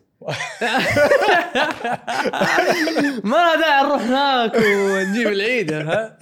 كويس. فاول شيء لا حفلات وبيتزا وفي إيه، بر وما برا. ما أدري إيش. وأنت عزب مشكلة. ناس فرندلي بزيادة. أيه. تدري أي مصعد أخشه؟ أنا هناك تعلمت ابتسامه هناك آه. هناك ما كنت مبتسم واجد. والله. هناك يا أخي وأنت تركض أنا ما أجي وأنت تركض هناك طالع يبتسمون لك. والله ما تخش مصعد وأنت طالع منه اللي يقول لك عندهم عبارة مشهورة. have a nice day يعني يوم سعيد لك أو have a good one يعني have a good one يعني شخص تقابله. أي شخص ما أعرفه. آه. والله أي مصعد أي محل أي مطعم. يبلغوا لازم- عليك تحرش على طول. آه،. إيه،. يقول لك have good one have nice day لازم مستحيل هذا الشيء ما يصير. طبعا أنا أقول لك أول شيء سويته تزوجت حلو قبل ما تروح. عشان. تأمن نفسك. عشان آه، امن تاخذ ديني. ونفسي وكل. شيء. بعدين أنا قلت حق زوجتي يلا. الحين انت طبعا زوجتي كانت خريجة ماجستير خريجه عفوا خريجة بكالوريوس من نفس المدينة. أيوه قلت لها بحكم إن أنت خريجة فهذا عليك أنت عليك سكن. امم وأنا علي شغلات ثانية. يخرج من نفس المدينة حقت الماجستير. لا لا هي دكتور أيوه في بكالوريوس زوجتي في- في كانت في أمريكا. أمريكا. أيوة. في لوس أنجلوس كانت خريج بكالوريوس. فقلت لها خلاص أنت عليك هذا الشيء هذا. دبري لنا سكن. تبرين السكن عليك. سلام. وهي خبرة أنا ما أعرف صراحة. مم. فاختارت لي سكن ووصلنا وصلنا المدينة. أول ما وصلنا المدينة سكننا فندق يومين ثلاث عشان نتاكد من السكن وغيره. وطبعا للأسف أنا هذه قصة ثانية بقول لك إياها بعدين. أنا كنت دب ونحفت فسو... آه، بقول لك صار بعدين. حلو، حلو. حلو؟ حلو. آه هذا شيء لازم نرجع له. ما ما أنسى. فأول ما وصلت المدينة تحسب وين رحت؟ أجار السيارة على طوارئ مستشفى. اوه بقول لك إيش صار فيني بعدين بس على طول على المستشفى طوارئ قعدت فيها ثمان ساعات ست ساعات. يعني أنت لا أول ما وصلت؟ أول ما وصلت أمريكا على طول دكرت أجرت سيارتي وعلى طول على الطوارئ. أيوه. فهمت؟ مستشفى قعدت في المستشفى يمكن ست ساعات. بعدين طلعت تحت فندق. آه بعدين عاد بدينا رحلة البحث عن السكن هو أول شيء تسويه. طبعا أنا تعمدت اخترت سكن قريب من البحر. مم. وهذا أنا انتقادي لإخواني السعوديين الله يعطيهم العافية. يا أخي أنت تطلع أنت رايح تدري إحنا group كنا 20 واحد. ال 20 واحد هذا كلهم ساكنين في مبنى واحد. إيه. وبعيد عن البحر. ونفس الشيء اللي يصير في السعودية. هم كلهم يلا ننزل يا شباب نزلنا. يلا نلعب بلوت يلا نلعب ورق يلا نشيش يلا مدري إيش. أنا سكنت لحالي بعيد. على البحر. يوميا قام أروح الجامعة. يوميا أروح أجري في البحر. وإذا الجو حلو أركب موج. تعلمت هذا ال surfing آه. واتروش وأروح الجامعة. لاني حافظ هناك 10 كيلو. ما شاء الله. ترى اكل اشرب بيبسي واكل كيك كل يوم حلا ومطاعم. لكن المشي واجد. أوقف جامعة بدري أوقف أوقف آه، عن جامعتي بعيد. وأروح وتجري. أجري. والله أحيانا أجري. أيوة. ال classات بعيدة عن بعض. أنت أحيانا أنا أنا توني جاي من دبي لما رحت إكسبو أنا هذا الموضوع نتكلمه. كنت أمشي في اليوم 40 ألف خطوة. والله أكلت أكل ما كل شيء آكل.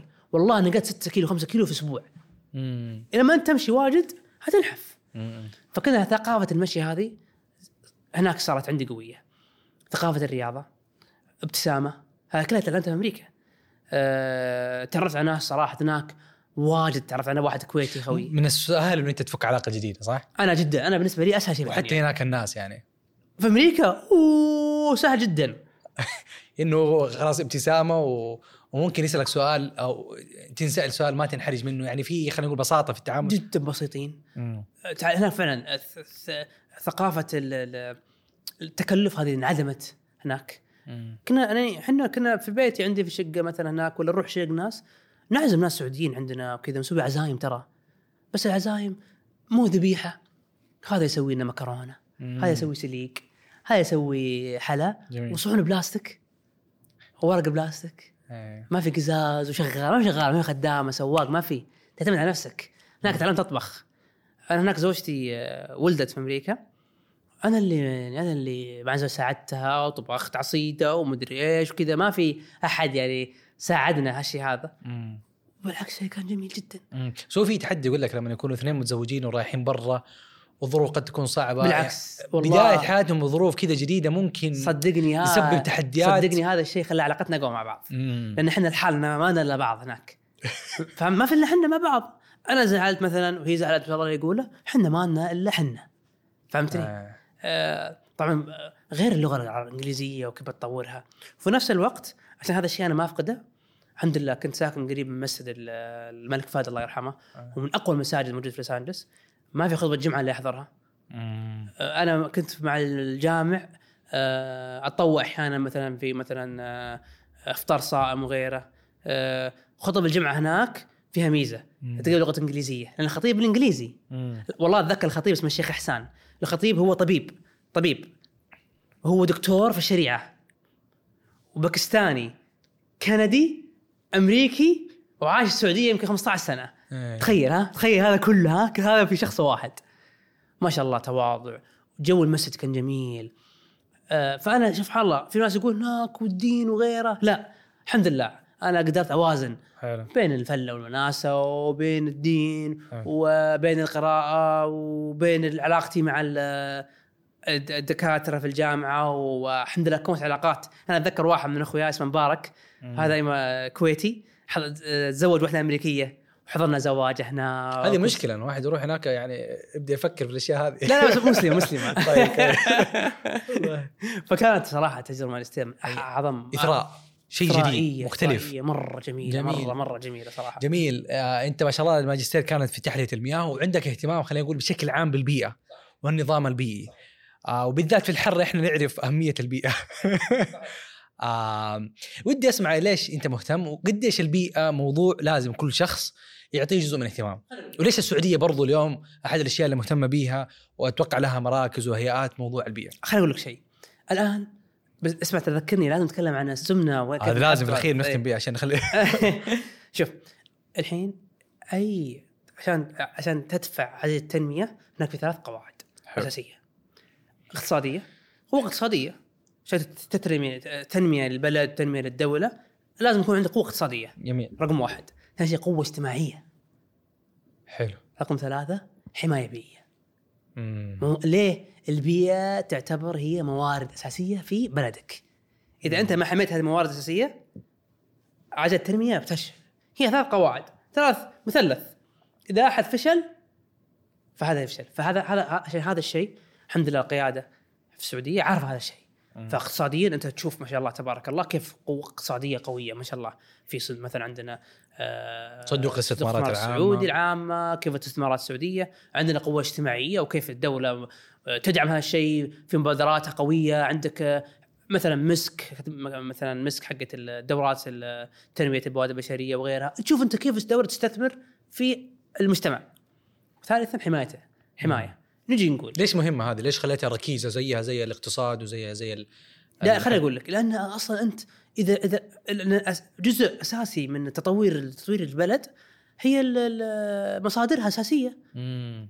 إيش تقصد بيئة؟ لما تقول بيئة إيش يعني بيئة؟ خليني أقول لك بيئة أو تدري سؤال حلو تدري البيئة هو كل شيء حولك هو بيئة الهواء المعادن آه، في في في ناس عرفوا البيئة يقولون لك جميع الشغلات اللي حولك كل شيء حولك يعتبر بيئة من ما تولد إلى ما تموت. فكرك عقلك الناس اللي حولك. بعطيك شيء آه البيئة الأرض اللي تمشي عليها الأكل اللي تاكله الموية اللي تشربه البرد والهواء والحر اللي أنت تعيش فيه السيارة اللي تسوقها متاثر على البيئة. والله أي حاجة دحين أنساها في السيارة اللي اليومين هذه تتدمر- تتدمر. يعني وه- وه- وهذا موضوع مهم. بقول في سؤال حلو. وجميل. آه هو وش هو الاشياء تأثر في البيئة؟ مم. أول مؤثر للبيئة ومهم هو التلوث البيئي. مم. التلوث البيئي كيف يصدر؟ أما عن طريق انبعاثات تلوث هواء. حلو؟ يعني بتقول أهم قضية في البيئة الآن أهم قضية أهم موضوع التلوث. موضوع التلوث. حلو. التلوث سواء تلوث تلوث بيئي. وهو ناتج عن مثلا انبعاثات الكربونية من السيارات ولا من مصانع الطاقة حلو. ولا من الفحم حلو. ولا غيرها. ثاني شيء الاحتباس الحراري. حلو. الاحتباس الحراري هذا موضوع- الاحتمال؟ أنا أسمع ترى من أيام يمكن ثاني ابتدائي أنا أسمع. احتباس حراري. إي إي يعني اي وهذا حول حيقضي على العالم وهذا؟ إيه. لا. صح هو حنموت قريب إحنا ولا؟ خلينا نسمع احتباس حراري. أيوه. وهو موضوع مهم. حلو. في شيء يسمونه greenhouse emission greenhouse اللي هي الغازات الد- الدافئة أو الدفيئه حلو؟ بالإنجليزي اسمها greenhouse هذه غازات الله مو- موجودة في الكون. إيش فكرتها؟ سبحان الله. الحين الشمس لما تجينا وتنعكس في الأرض وتعكس وتطلع. هذه الغازات تحبس الحرارة داخل الأرض. حلو. بمعادله موزونة. حلو. حلو؟ ممتاز؟ ال- الغازات اللي طالعة ولا اللي داخلة؟ لا هذه غازة موجودة في طبقة. حلو، طبقة موجودة. ال- الجو. دورها؟ دورها لما يجي تجي الشمس وتدخل على الأرض وتنعكس من الأرض ترجع مرة ثانية احتباس. آه، ما تخليها تروح. يحبسها داخل الأرض. لأنها مهمة. لأنها مهمة. لا, لا مو مهمة. لو هذه الغازات مو موجودة كان إحنا درجه حرارة الأرض ما ما ناقص 18 الحين افرج average أو معدل الحراره في العالم 15 أيوه. مثلا إحنا 50 في السعودية في ناس ما ناس 50 مثلا. ف average في العالم كله أو معدل الحرارة في العالم كله 15 حلو. حلو؟ صايش رهيب والله. آه هذا المعدل العالمي. مم. آه، احتباس الحراري شو يصير؟ إحنا مع ثاني أكسيد الكربون نطلعه، الميثان نطلعه، النيتروجين نطلع هذا كله تطلع عن طريق إحنا عن طريق الفحم نحرقه، عن طريق الغازات، عن طريق السيارات. هذه الغازات بتزيد في الهواء. شو يصير؟ تحبس حرارة أكثر،. وتصير الحراره تزيد داخل الأرض. آه. فهمت ولا ما؟ تسلك لي. فدرجة الآن في غازات هي بتحفظ الحرارة حلو الآن ال- ال- ال- التلوث هذا الغازات الملوثة هذه إيه. برضو تزيد الاحتباس تزيد إيوه تروح تطبق تروح في الطبقة هذه فالافرج حق العالم بدل ما يكون 15 ممكن يصير 20 16 20 آه فهمت؟ عشان كذا شو يصير؟ شو يصير؟ إيش يصير؟ يصير الجليد في القطب الشمالي والجنوبي يسيح. يسيحون معناها يصير مستوى الماء يزيد في- الفيضانات تزيد الاعاصير تزيد آه. الحرارة تزيد. كل ما زادت الحراره إحساس طاقة أكثر التبريد إذا زادت الحراره يصير تصحر يزيد التصحر زاد يصير. معناها الغ- الغازات الغابات تقل الغاز- إذا الغابات أكسجين يصير؟ الاكسجين يقل الأكل يقل آه. مواد طبيعيه تقل الفواكه تقل المواشي الأكل. أنت لاحظ هذا الشيء؟ أنا أعطيك سكيل حياتنا كلها مرتبطة فيه. أيوه إلا الأكل تكفى بالله شوف اللي وصل هذا شيء مهم الأكل ترى اي مرة هو دار الطعام دار الطعام ترى مرتبط بالهذا. طيب أنا في شيء مهم بتقول لي أنت ها طب هذا شيء في الدولة أنا إيش دخلني؟ صح أنا أنا كفرد. ما يدخل أنا مواطن أنا خل هذا لا بالعكس أنت أساس في الدولة مم. اولا كيف أنت تقدر تأثر في البيئة؟ مم. أول شيء تحد من استهلاكك. نبدأ في الموية أبو كيف في المويه؟ مثلا بدل ما تشرب آه، مثلا آه، تغسل اليوم هذه قضية البعض يقول هذه قضية تخص يعني كبيرة احتباس حراري. أنا إيش اثر في الاحتباس الحراري هذا؟ إيوه شبث حراري ولا شبث أنا مثلا أنا يمكن سويت جنب إيه. خلينا نرجع شوي. طيب. من الأشياء اللي تأثر في البيئة زيادة المواد زيادة العدد السكاني. ليه أيوة. العدد السكاني يزيد؟ لما يزيد العدد السكاني معناها بزيد بزيد توفير الطاقة. بيستخدمون السكان موارد طبيعية أكثر. وش حلو. موارد طبيعية؟ موارد طبيعية هي موارد اللي بتخلص. معناها قا... بتخلص. مثل البترول البترول بيخلص ترى. المياه الجوفية بتخلص. آه هذه موارد طبيعية. المعادن تخلص. معادن ما ترى تتكلم عن التحديات البيئية. تكلمت في البدايه. عن التلوث. تلوث. بعدين تكلمت على استهلاك. الموارد ال- الم- المحدودة. حلو. زي البترول حلو. زي المياه الجوفية. صحيح. الغذاء يعتبر آه، إيه يعتبر غذاء شيء. محدود. الطعام الطعام الطعام يعتبر الاشياء البيئية ترى. مورد محدود.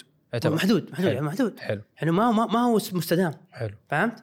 هذا كلها محدودة. بنشوف أحيانا تصير أزمة في اللحم أزمة في الدجاج أزمة في. البيض. صح. أزمات هي. صح. أنا ما, هي ما هي محدودة. حلو. فكل ما كان رقعة الناس آه، زادوا وكل ما إحنا بدنا نسرف في الأكل حلو. نرمي في الأكل كل ما خط- خطر البيئة زاد علينا. حلو. حلو. آه، موضوع مهم آه، النفايات. حلو. موضوع مهم جدا. يعني الحين بنتكلم على الشيء الصورة بشكل عام قبل ما نروح لموضوع الفرد. صح. وتأثيره صح صح. كويس. النفايات. النفايات ترى عندنا أنواع. عندنا نفايات خطرة. امم عندنا نفايات غير خطرة. حلو. عندنا نفايات خاملة. حلو. النفايات الخطره مثل نفايات مثلا اليورانيوم والكيميائية والبيولوجية. هذه نفايات خطرة صراحة جدا. مم. ممكن تسبب حريق ممكن تسبب تسبب حريق وتسبب آه، آه، قتل ال- ال- الشخص وغيره. وهذه لها طرق معالجة خاصة فيها. حلو. وفي نفايات غير خطرة. عشان كذا بس لما أشوف بعض القمايم أو الحاويات أيوه. القمامة، يقول لك في أشياء معينة ما ترميها. مثل نفايات مثلا طبية. أيوه. لها معالجة معينة خاصة أو فيها. يقول لك حتى الجوال اللابتوب بعض الأجهزة أي. الالكترونيه ما ترميها المفروض صح. أيوه عشان كذا عشان كذا الآن في نفايات كهربائية أو آه. آه. مستهلكية. عشان كذا بدينا بدأت الحمد لله السعودية ترتب. خاصة النفايات الحيوية لها طريقة معالجة خاصة فيها، النفايات الكهربائيه لها طريقة خاصة فيها، النفايات آه، الخاملة اللي هي مثل التراب الخرسانة وغيرها لها معالجات خاصة فيها إنها ما حلو. تتحلل مع الوقت تتحلل مع الوقت في شيء ما تتحلل مع الوقت طبعا من بتقول لي أنت مثلا وش سبل لمعالجه النفايات؟ أول طريقة تعالج النفايات إنك أول شيء اليمينيشن أو تمنع تصير تسوي نفايات أيوه هذا أول شيء ما في نفايات مم. الشيء الثاني تقللها الشيء الثالث تعيد تدويرها وأخيرا وللأسف تعالجها معالجة صحيحة إذا مرة لا قدرت تقللها ولا تمنعها ولا نحرقها؟ تعالجها تح... طبعا على درجه حرارة اللي توصل إلى 1200 معي؟ سيلسيوس. إي سلسيوس أحيانا. بعد ما أحيانا تدفنها. ترى أحيانا بعض المعالجات تدفنها. دفن. حلو. كل طريقة كل واحدة لها طريقة آه، معالجة. جميل. طبعا من أشياء التلوث من أشياء تضر بالبيئه والحمد لله السعودية بدأت هذا الشيء آه، توقفه اللي هي آه، قتل أو اللي هي قضاء على الغابات. إحنا وقفنا احتطاب الحين. ممنوع احتطاب ممنوع تروح وتكسر الخشب وتحتطب والحطب ممنوع. مم. معي؟ قبل كان شيء مسموح. وهذا الشيء ترى يأثر في البيئة تأثير اساسي اساسي زي ما قلت قبل شوي أنت. يأثر في الكرب اكسجين يأثر في الجو في المناخ هذا كل اشياء وبالنقيض السعودية لها مبادرات قوية. مبادرة السعودية الخضراء الرياض الخضراء الشرق الاوسط الأخضر. هذه كلها مبادرات في زراعة 10 مليار شجرة خلال العقود الجاية. منها إنها تحسن الجو منها إنها تكافح التصحر. منها نسبه الرقعة الخضراء في السعودية وغيرها. جميل. آه نضع نرجع موضوع دور المجتمع والفرد في البيئة. حلو. أول دور أنت تحاول تحد من استهلاكك. اولا البلاستيك يا أخي ليش؟ مثلا في الدوام. ليه تستخدم ورق دائما استخدم مثلا آه، أجيب لك آه، كوب خاص فيك. انت تتكلم ال- الورق ما هو بلاستيك. عفوا عفوا بس عفوا cup ورق ترى cup ورق انت يعتبر بيئة ترى. يعتبر بي... بي- جزء بس في الأخير هو لل- نفايه هو هو recycle بس يعتبر انت حطيت طاقة يستهلك يستهلك طاقة لإنتاجه معناها أنا أحتاج آه. أحتاج آه، آه، يعني أحتاج طاقة انتاجها معناها في أي طاقة تستنتجها أو تستخدمها معناها في لها آه، انبعاثات. لها انبعاثات وغيرها. بس البلاستيك يعتبر أخطر لأنه تحليله أيوة، ما يتحلل. ما يتحلل صحيح. أنا.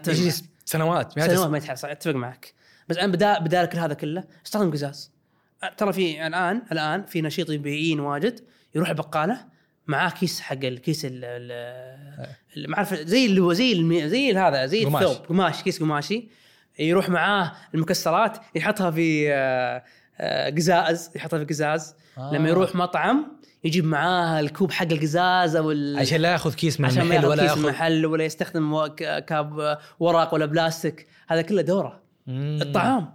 قلل ساكب الطعام. المياه. بدل ما تفتح الماء آه، تهذر وهذر مثلا مثلا استخدم مياه رمادية في الري. وش المياه الرماديه؟ مياه غسيل مثلا ما توضى ما تروش معالجه بسيطة في البيت. واستخدم في الري ال- في ري بيتك.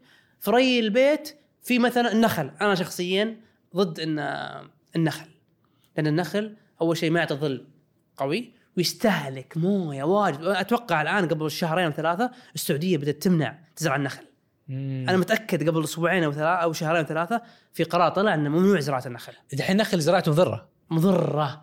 غير انت غير التمر. التمر خله خله في مزارع خاصة فيه. لكن في بيوتك في الشوارع أوه. النخل له أضرار واجد. لأنه مستهلك قوي للماء. نفس الشيء له ما يطلع ما يطلع أكسجين واجد. مم. ونفس الشيء آه، ما ما في ظل ما له ظل واجد. فهمت؟ آه. آه. وأنا كنت من زمان أدعو وأصور يا شباب النخل مو بزين النخل سبحان الله السعودية قبل شهرين أو ثلاثة وزارة البيئة قالت النخل ممنوع نزرعه ومدري إيش وحدث منه هذا النخل هذه وزارة مهتمة بالأمور البيئية. صحيح. كانت موجودة من زمان ولا لا هذا لا لا جديد مستحدثه ل 2016 17 صارت موجودة. و... و- ودورها إنه هي تحافظ على الأشياء اللي أنت ذكرتها قبل شوية صحيح. آه نرجع دور الفرد. حلو. وعي. يا أخي وعي. أنت إذا أنت عندك ثقافة روح تعلم روح استرشد. آه آه روح ثقف الناس اللي حولك. آه هذه كلها دور حلو. آه، الشخص. حلو. بالاستهل قال زي ما قلت لك است... أهم شيء إنك حاول تقلل من استهلاكك. حلو. طيب نجي سؤال أهم. إيش دور السعودية؟ إيش دور الشركات؟ يا سلام. السعودية من عام 2016 إلى عام هذا لاحظ سوت مركز أبحاث البيئة أنشأت حماية آه، مراكز لحماية الحياة الفطرية. امم إيش الحياة الفطرية؟ الحياة الفطرية الحيوانات. حيوانات مع حيوانات. حلو. سوت تخيل سوت آه، محميات آه، ملكية. تبع لها ملك تبع الملك. منعت من الاحتطاب. سوت مركز الوطني لكفاءة ترشيد المياه. مم. سوت مركز سوت مصانع في سكاكا وفي الجوف وفي الجندل للطاقة الشمسية آه. والطاقة المجددة طاقة الرياح سوت الرياض الخضراء نيوم The Line آه. كل هذه آه، تشجير الحين عندنا في إيش نيوم و The Line إيش علاقتهم بالبيئه؟ ذا لاين الحين في مدينة بتكون مدينة بيئية بحتة ما فيها وسائل نقل كلها أشجار كلها مناطق. خضراء وكلها تدعم البيئة ونيوم حتى اليوم نفس كل الفكرة. التقنية اللي فيها مم. تقنيات آه، حديثة تساعد في التقليل من الانبعاثات الكربونيه كلها آه، أيضا في خطة الوصول للحد الصفري، إيش معنى الحد الصفري؟ إنه يصير إحنا دولة ما ننتج آه، ثاني أكسيد الكربون صفر. آه في دول موجودة في العالم؟ لا ما ما ما في ولا في العالم السعودية حاطة 2060 نوصل هذا الشيء هو. تحدي صعب جدا لكن إن شاء الله نقدر نوصل له آه عن طريق استخدامات الطاقة المجددة الطاقة الشمسية ال... أيضا السعودية الآن بدأت تستخدم شفت المياه المجاري الله يكرمك بعد. الحمامات مم. بدأت تستخدمها في, في الري ري الملاعب آه، ري ال- يسمونه treated sewage effluent أو TSE water تدري في أسبانيا في فرنسا الحين فرنسا دخلت بقالة مم. تخش بقالة تشوف ماي مكتوب ماي مجاري معالج أيوه. يشربونه طبعا في السعودية ممنوع تشربه فرنسا تشربه آه عنده ماي نهر معالج ماي بحر معالج ماي جوفي معالج فهمت مم. طبعا للأسف وإن شاء الله الحمد لله آه، الفترة الجاية نغيرها. 80% في السعودية باعتمادنا في المياه مياه جوفية. آه. مياه جوفية بتخلص. سنة سنتين ثلاث أربع بتخلص. بتجف أبار واجد تدخل السعودية. لأن هي جوفية يعني ملايين السنين جمعت أمطار. سنة سنتين ثلاث أربع عشرين سنة 40 سنة بتجف. الآن السعودية توجيهها أكوا باور شركة من أكبر شركات العالم في إنتاج المياه والطاقة. السعودية صندوق الاستثمار العامه استحوذ عليها 60 70% الان موجودة بالخبر إيش هي معليش؟ اكوا اكوا باور توها نازلة هذه. شركة. شركة عالمية آه. في المياه والطاقة آه واستحوذت. عليها صندوق الاستثمار السعودي أيوه والآن جابها في السعودية في الخبر مم. الآن شركة تحلية قاعد تبني أكبر معامل تحلية في العالم مم. لأن البحر يعتبر آه، ماء متجدد حلو معي ما يخلص انت حتعالج ترجع فيه عكس المياه الجوفيه الآن أغلب الشركات أغلب المصانع وأغلب البيوت قاعد تستخدم مياه معالجة. آه، عن طريق البحر بمياه جوفية. مم. هذا شيء مبادرة السعودية. وهذا الشيء كله يخدم البيئة ترى. يعني هذا مياه جوفيه لنا للمستقبل المستقبل الجاي. آه هذا كله في البيئة. آه، البيئة تأثر على النفسية صح؟ جدا. يعني دحين أنت شايف الصيف والشمس إيه احتباس حراري وشمس إيه. وحر وخضار. لما خضار يكون موجود وكل شيء موجود ترى يفرق واجد. أيوه أيوه. آه أنت يمكن آه، موضوع عندنا تكلمت على أيوه قبل ما أروح لموضوع الوزن أنا بتكلم على موضوع اللي هو إيش التخصصات اللي تخلي الشخص ممكن يشارك في النظام ال- أو خلينا نقول التطوير البيئي في السعودية. تخصصات يعني في- الجامعة قصدك أيوه يعني أنا اليوم أنا بكون جزء من التغيير هذا البيئي اللي موجود كل التخصصات كلها. كل التخصصات طبعا خصوصا الهندسيه خصوصا. مم. لا أو, أو الساينس العلوم. لا تروح. أي شيء كي تخصصك فيزياء كيمياء كيميائية فيزيائية كهربائية. كلها ترى بالعكس مم. أنا تخصصي كيمياء كيميائي و... هندسة كيميائية. أنا هندسة كيميائية وكل شغلي في البيئة ترى. و- وحاليا ترى حاليا أكثر المؤتمرات العالمية متخصصه في البيئة مم. الآن أنا في ارامكو كل يوم يجيني مؤتمر بيئة مؤتمر بيئة مؤتمر بيئة مؤتمر يعني. بدأ العالم يهتم بالبيئة أكثر من أول الآن الترند الترند أو ال- الهبة هو فهو البيئة رقم واحد اوه رقم واحد في العالم حاليا. فجأة صحي وهم معليش يعني كان وقتها جالسين يحرقوا دببه ودحين صحي والله أنا أتفق معك. إيه. ترى مو بس السعودية حتى العالم كامل. آه. تد... لا مو بس فجأة. لن ترى لندن لندن عام 2900 1980 ترى كان كلها بعثات. أوه. قاعد يعالجوا حتى الصين. حط حطوا خطة بيئية. تخيل بدأوا 2000 1980 40 الخطة سنة. تخلص 200 وخ- 2000 2050 أوه. ترى لندن كانت مدينة كلها انبعاثات مدينة متلوثة. سووا خطة بيئية محكمة. أوه. الآن الحمد لله قدروا يتفوقوا عن أنفسهم والحين الحمد لله.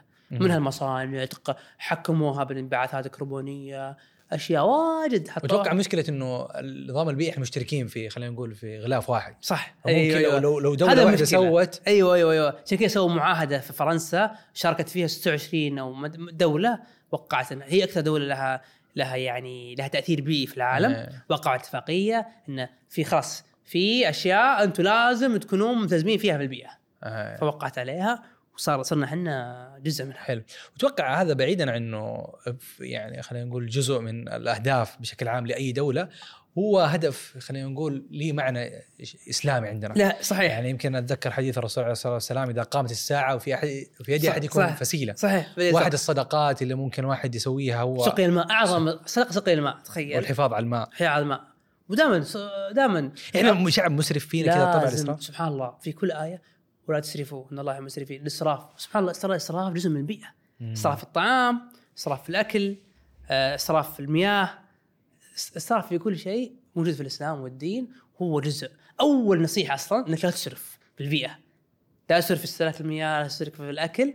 أول أنت أنت وقفت إسراف نظام البيئي كله ح... لا تسرف. في استخدام المواد الط- صار ضد بعض الأحيان يتعارض مع الاقتصاد. يعني أنت كان عندك ثلاثة قلت لي أي دولة تنهض لها ثلاثة أهداف. صحيح. الهدف الأول اقتصاد والهدف الثاني اجتماع مجتمع صحيح. قوي والهدف الثالث بيئة. انت اليوم الاستهلاك هذا يعزز اقتصاد دولة لأنه اليوم في وظائف أكثر. اليوم أنا لو بحقلل استهلاك ال- الأكياس معناته في شركة حتقل مبيعاتها. تقل مبيعاتها في موظف حينطرد فأحس إنه ما أدري إذا في في في, في لها في لها أنا أتفق. معك فيها جوانب هنا وهنا.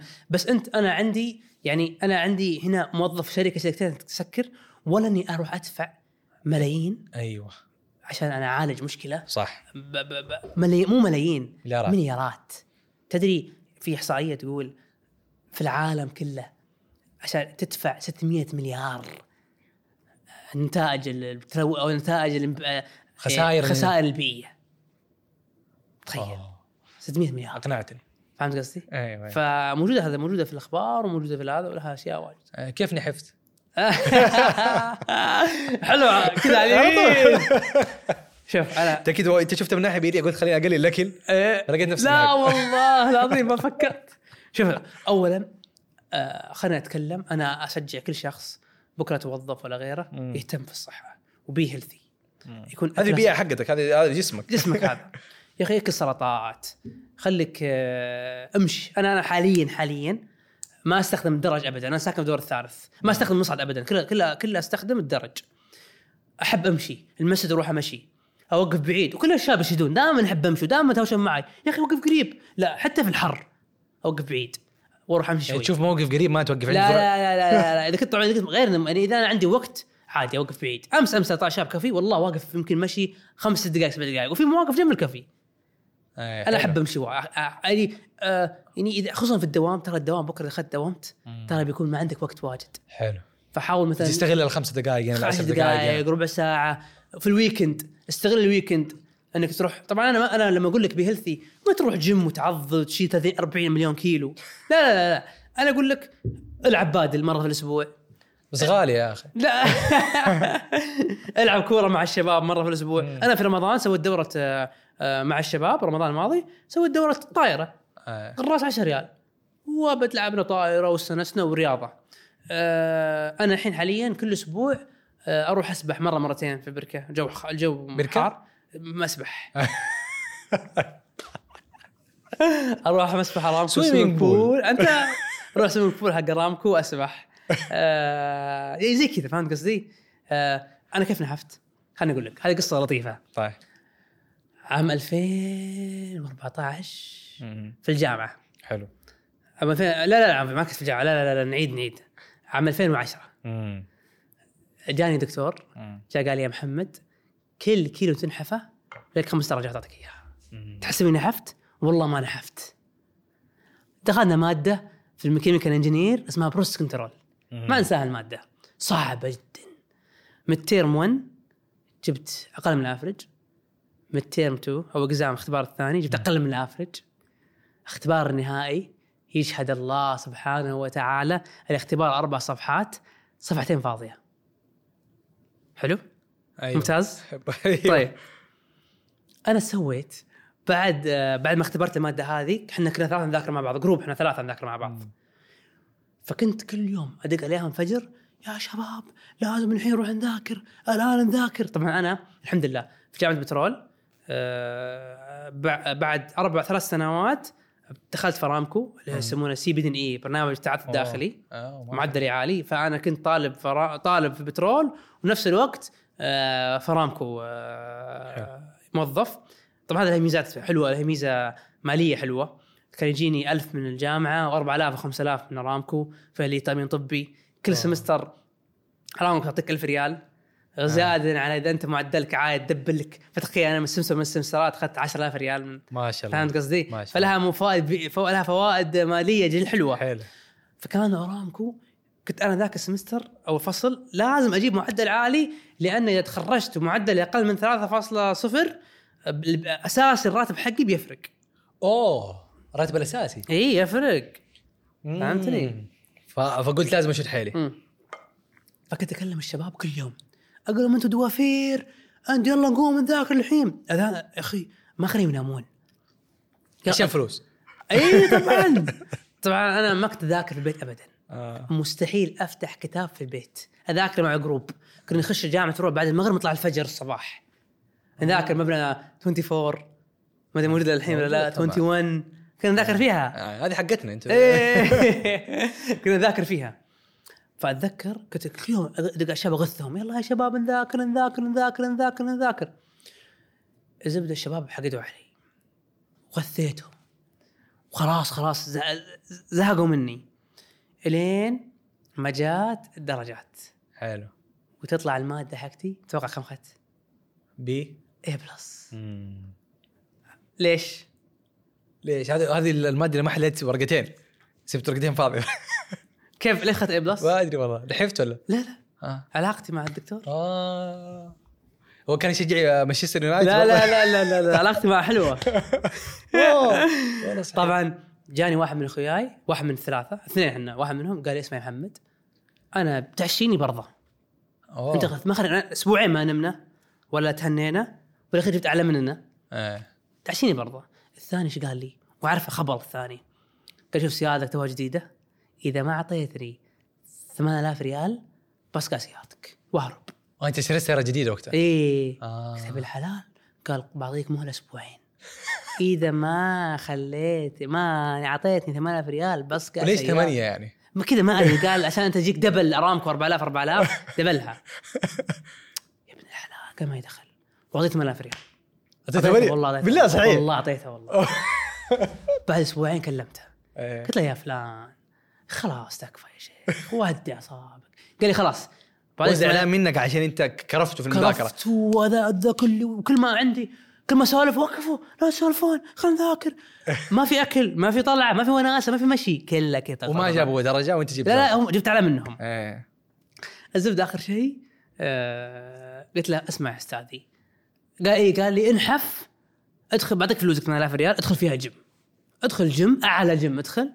وإذا دخلت في الجيم آه خلاص ادخل الجيم وخلاص. قلت له لا بعطيك شيء. أنا بكون بطبق. إيش رأيك؟ بيني وبينك أنحف بالشهرين هذه في تطبيق الصيف شهرين. أنحف خمسة كيلو. حلو. بالشهرين خمسة كيلو. حياتي ما نحفتها طبعا أنا كان عندي تخيل أحمد يوميا يوميا مو يوميا أنا أقول لك يوم الخميس كنت أسوي بس أعطيك يوم الخميس. حدي كنت أقوم الصباح آكل بيضتين حلو. وأروح الجامعة. أخذ لي حلا كرواسون أرجع البيت أخذ اثنين سفن أب أو اثنين بيبسي ورز ومكرونة وحلا وأنام. أقوم المغرب. آه، أروح كافي مع الشباب ولا أي مكان. بعد العشاء أخذ اثنين بروستد. هذه أحد مشاكل الاحتباس الحراري. تخيل هذا هذا نظام الأكل حقي. كيف تبي وزني أنت؟ يصير. كل يوم رز. طبعا أنا كملت الحين يمكن 10 سنوات ما أكل رز. أوه. حلو؟ رز ما أكل يعني نادر. يمكن لقمه في السنتين. لقمه بس عشان زوجتي يرضيها ولا واحد حلف علي. ولا الرز أنا ما آكل. حلو؟ أنا عارف نفسي نقطة ضعف الرز. الزبده أعطاني قال الرجال أدخل الجيم وانحف خمسة خمسة كيلو 10 كيلو. قال لي 10 كيلو. قلت له 5 كيلو قال لي 10 كيلو. اتفقنا أني أنا أخلي فلوس عنده. إيه. وأسوي رياضة. ونهاية الشهرين أروح وأقيس وزني. إذا ناقص 10 كيلو يعطيني فلوسي. مم. إذا مو بناقص ياخذها. يوميا أركض. أروح أركض أروح مسبح swimming pool أسبح. آكل وجبة واحدة في اليوم كودو. طبعا غلط هذا الشيء طبعا. مم. بعد شهرين قست الميزان في البيت عندي كلمته قلت له أنا نحفت 10 كيلو. قال لا يا حبيبي باقي على الدراسة ليلة. نروح نصد دواء. نقيس اوه رحنا أتذكر رحنا نصد دواء وقست الا 11 كيلو ناقص. ما شاء الله. حول لي 8000 كذا. من بعدها ذقت حلاوة ال 10 كيلو هذه مم. وكملت عليها الحمد لله نقصت تقريبا 40% من وزني. طبعا اللي قلت لك أنا صار فيني بعد ما نحفت 40 كيلو من وزني بقى فيني جلد مم. في بطني منطقة رحت آه. قصيت الجلد هذا قصيته إيه فشهر العسل الجراحة فكت علي أوه فلما وصلت أمريكا على طول رحت المستشفى وضبطت آه. خياطة وكذا هذا السبب قلت لي رحت اي هذا الطوارئ. السبب رحت المستشفى على طول طوارئ في المستشفى الجلد حق العملية مفك فعلى طول رحت في الطيارة في الطيارة تعرف الطيارة. من هنا لأمريكا 24 ساعة تقريبا 24 ساعة إي، 20 ساعة آه. لأن حتوقف في قطر ولا في دبي ولا في أبو ظبي إيه. آه. طبعا بعطي نصيحة عامة إذا بتروح أمريكا لا تاخذ غير طيران أبو ظبي أو ما أدري الحين السعودية استخدموها ولا لأن تسوي تشيك ان حق دخول أمريكا في أبو ظبي. أتذكر أول ما رحت أمريكا رحت في نيويورك. والله ست ساعات واقف. ست ساعات واقف عشان أسوي تسجيل دخول. أوه. ست ساعات واقف. أبو ظبي دقيقتين.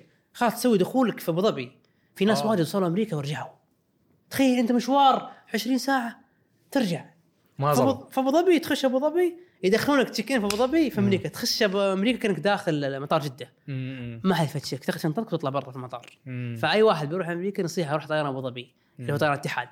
عشان ما توقف آه، في الليل في المطار ولا شيء. على طول تخش. أنا أتذكر نيويورك في مطار JFK.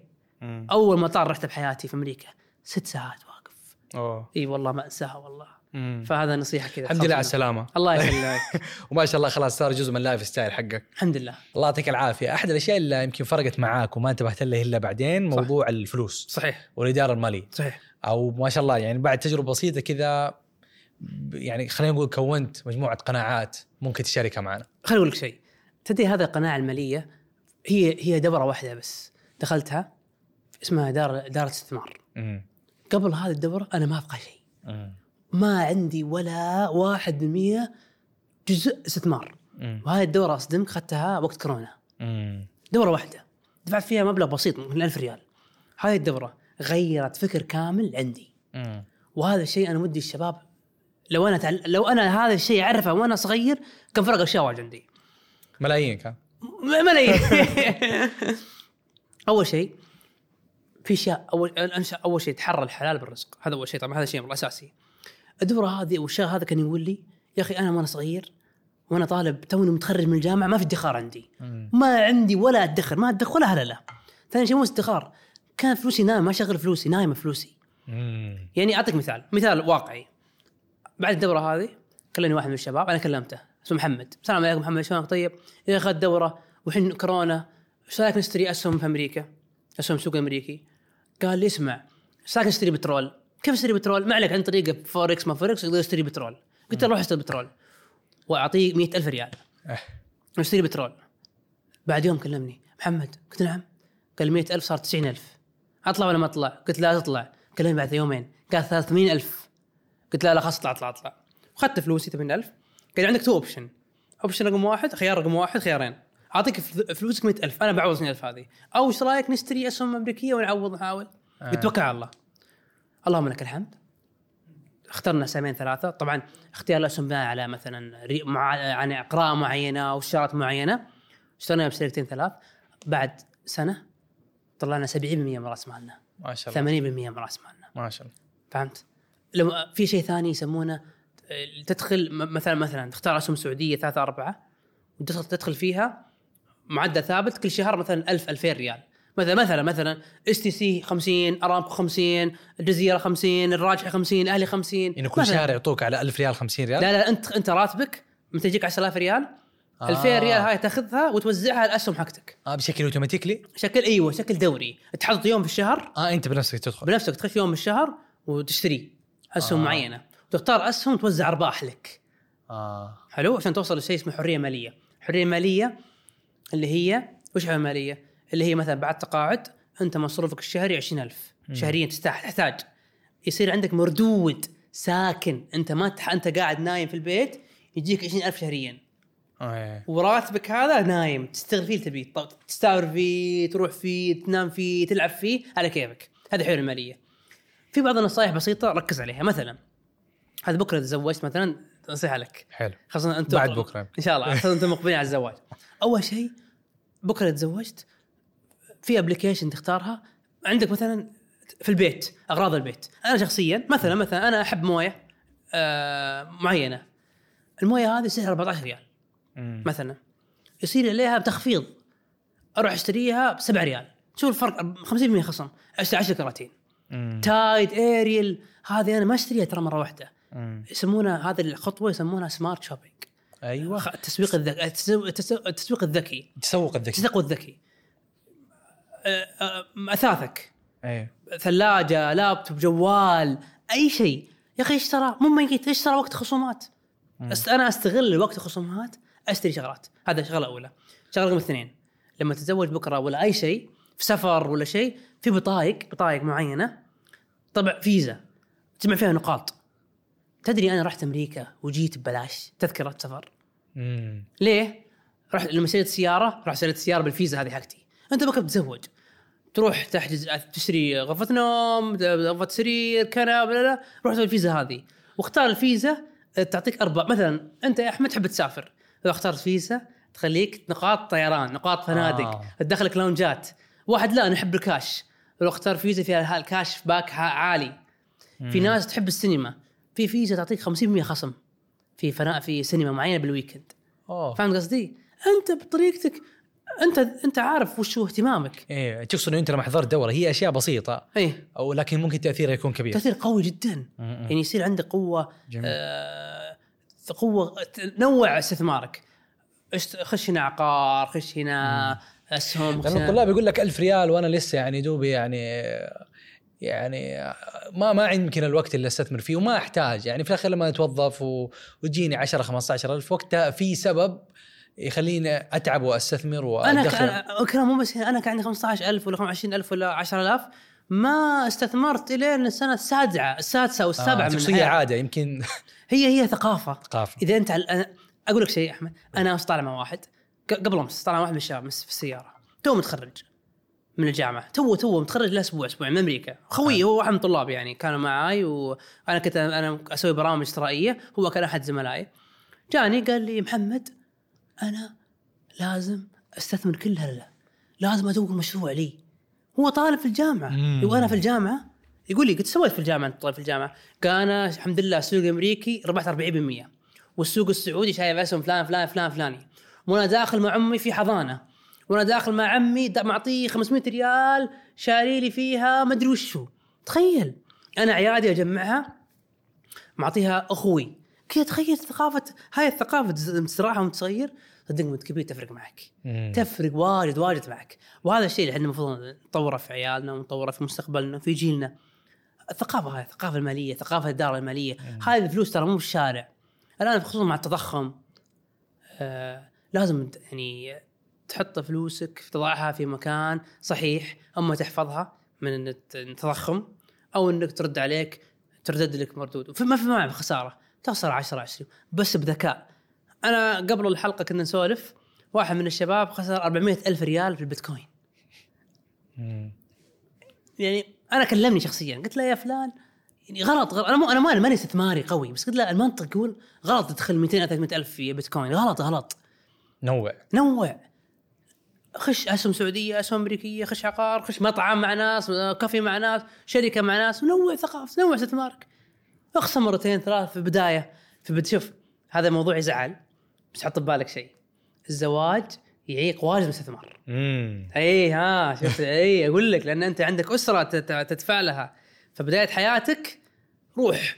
مو افلها بداية حياتي. دو لا لا لا لا, بداية حياتك دوس. روح استثمر. راتبك 50% منه حطه في استثمار روح أبوي حياتك روح برا. روح شيء أنت في ارامكو ولا في سابك روح شيبة روح روح هنا روح هنا روح المكان. اللي فيه فلوس. روح مكان فيه فلوس الحقه. في بداية حياتك. قبل الزواج لأن الزواج يحتاج استقرار. تكون حول زوجتك حول عيالك بقى تطور تدفع فلوس لعيالك وتكون حياة كريمة. مم. فهذه نصيحة عامة في الله يعطيك العافية. نصائح اليوم رهيبة وقصص وأحداث وخلينا مغامرات. ورحنا أمريكا و- وجينا من رحنا أمريكا. ركبنا طيارة سوا. الله يعطيك العافية ويخليك. آه أنت ندمت إنك دخلت هندسة؟ تدري أحيانا أحيانا أقولها فعلا أنا ندمت اخذت هندسة. آه. يا أخي ما أدري. الهندسة تقريبا تتعامل مع أرقام تتعامل مع آلات. أنا شخصيا أحس إني متميز التعامل مع البشر. لو دخلت علوم سياسية فرضا. مم. مثلا ممكن ها؟ ما أدري والله بس أحيانا طب الحاجة أحيانا أندم دخلت هندسة. آه. أحياناً يقول ما شاء الله مع النجاحات هذه كلها بس برضو. يعني ما أنا أنت لو تخش مكتبي الحين وتشوف اللهم لك الحمد شهادات واجد ومجالات واجد والحمد لله شاركت في أكثر من 15 مؤتمر. ما شاء الله. وعندي أكثر من 16 شهادة مهنية. ما شاء الله. لكن نفس الوقت أنا فعلا أحيانا ندمت. أنت أنت ندمان؟ أنا لسه ما أعرف. أتوقع أيوه. اغلق وان شاء الله بكون ضيف في بودكاست أقول وقتها. ما يحتاج الله يعطيك العافية. فرصه. سعيدة. والله أنا أكثر والله. الله يكرمك ويخليك. حبيبي. شكرا لكم مستمعينا مشاهدينا من كل مكان والشكر موصول لفريق بترولي العظيم. كان معي من خلف الكاميرات سلمان القحطاني. وأيضا نشكر راعي هذه الحلقة هاف مليون كافيه. الآن لو عندك ساعة إضافية من وقتك أنصحك تستمع إلى حلقة المهندس عبد اللطيف بن يوسف شاعر آه، عاش تجربة صعبة في بيئة عمالية كان فيها آه، ناس تعيش في خطر. آه، كانوا في عمال يصبح عليهم في الصباح يلقاه في في العصر اندهس. تجربة مثرية جدا. هذا بودكاست بترولي. من الظهران إلى جميع مدن العالم. أنا أحمد عطار. نلقاكم.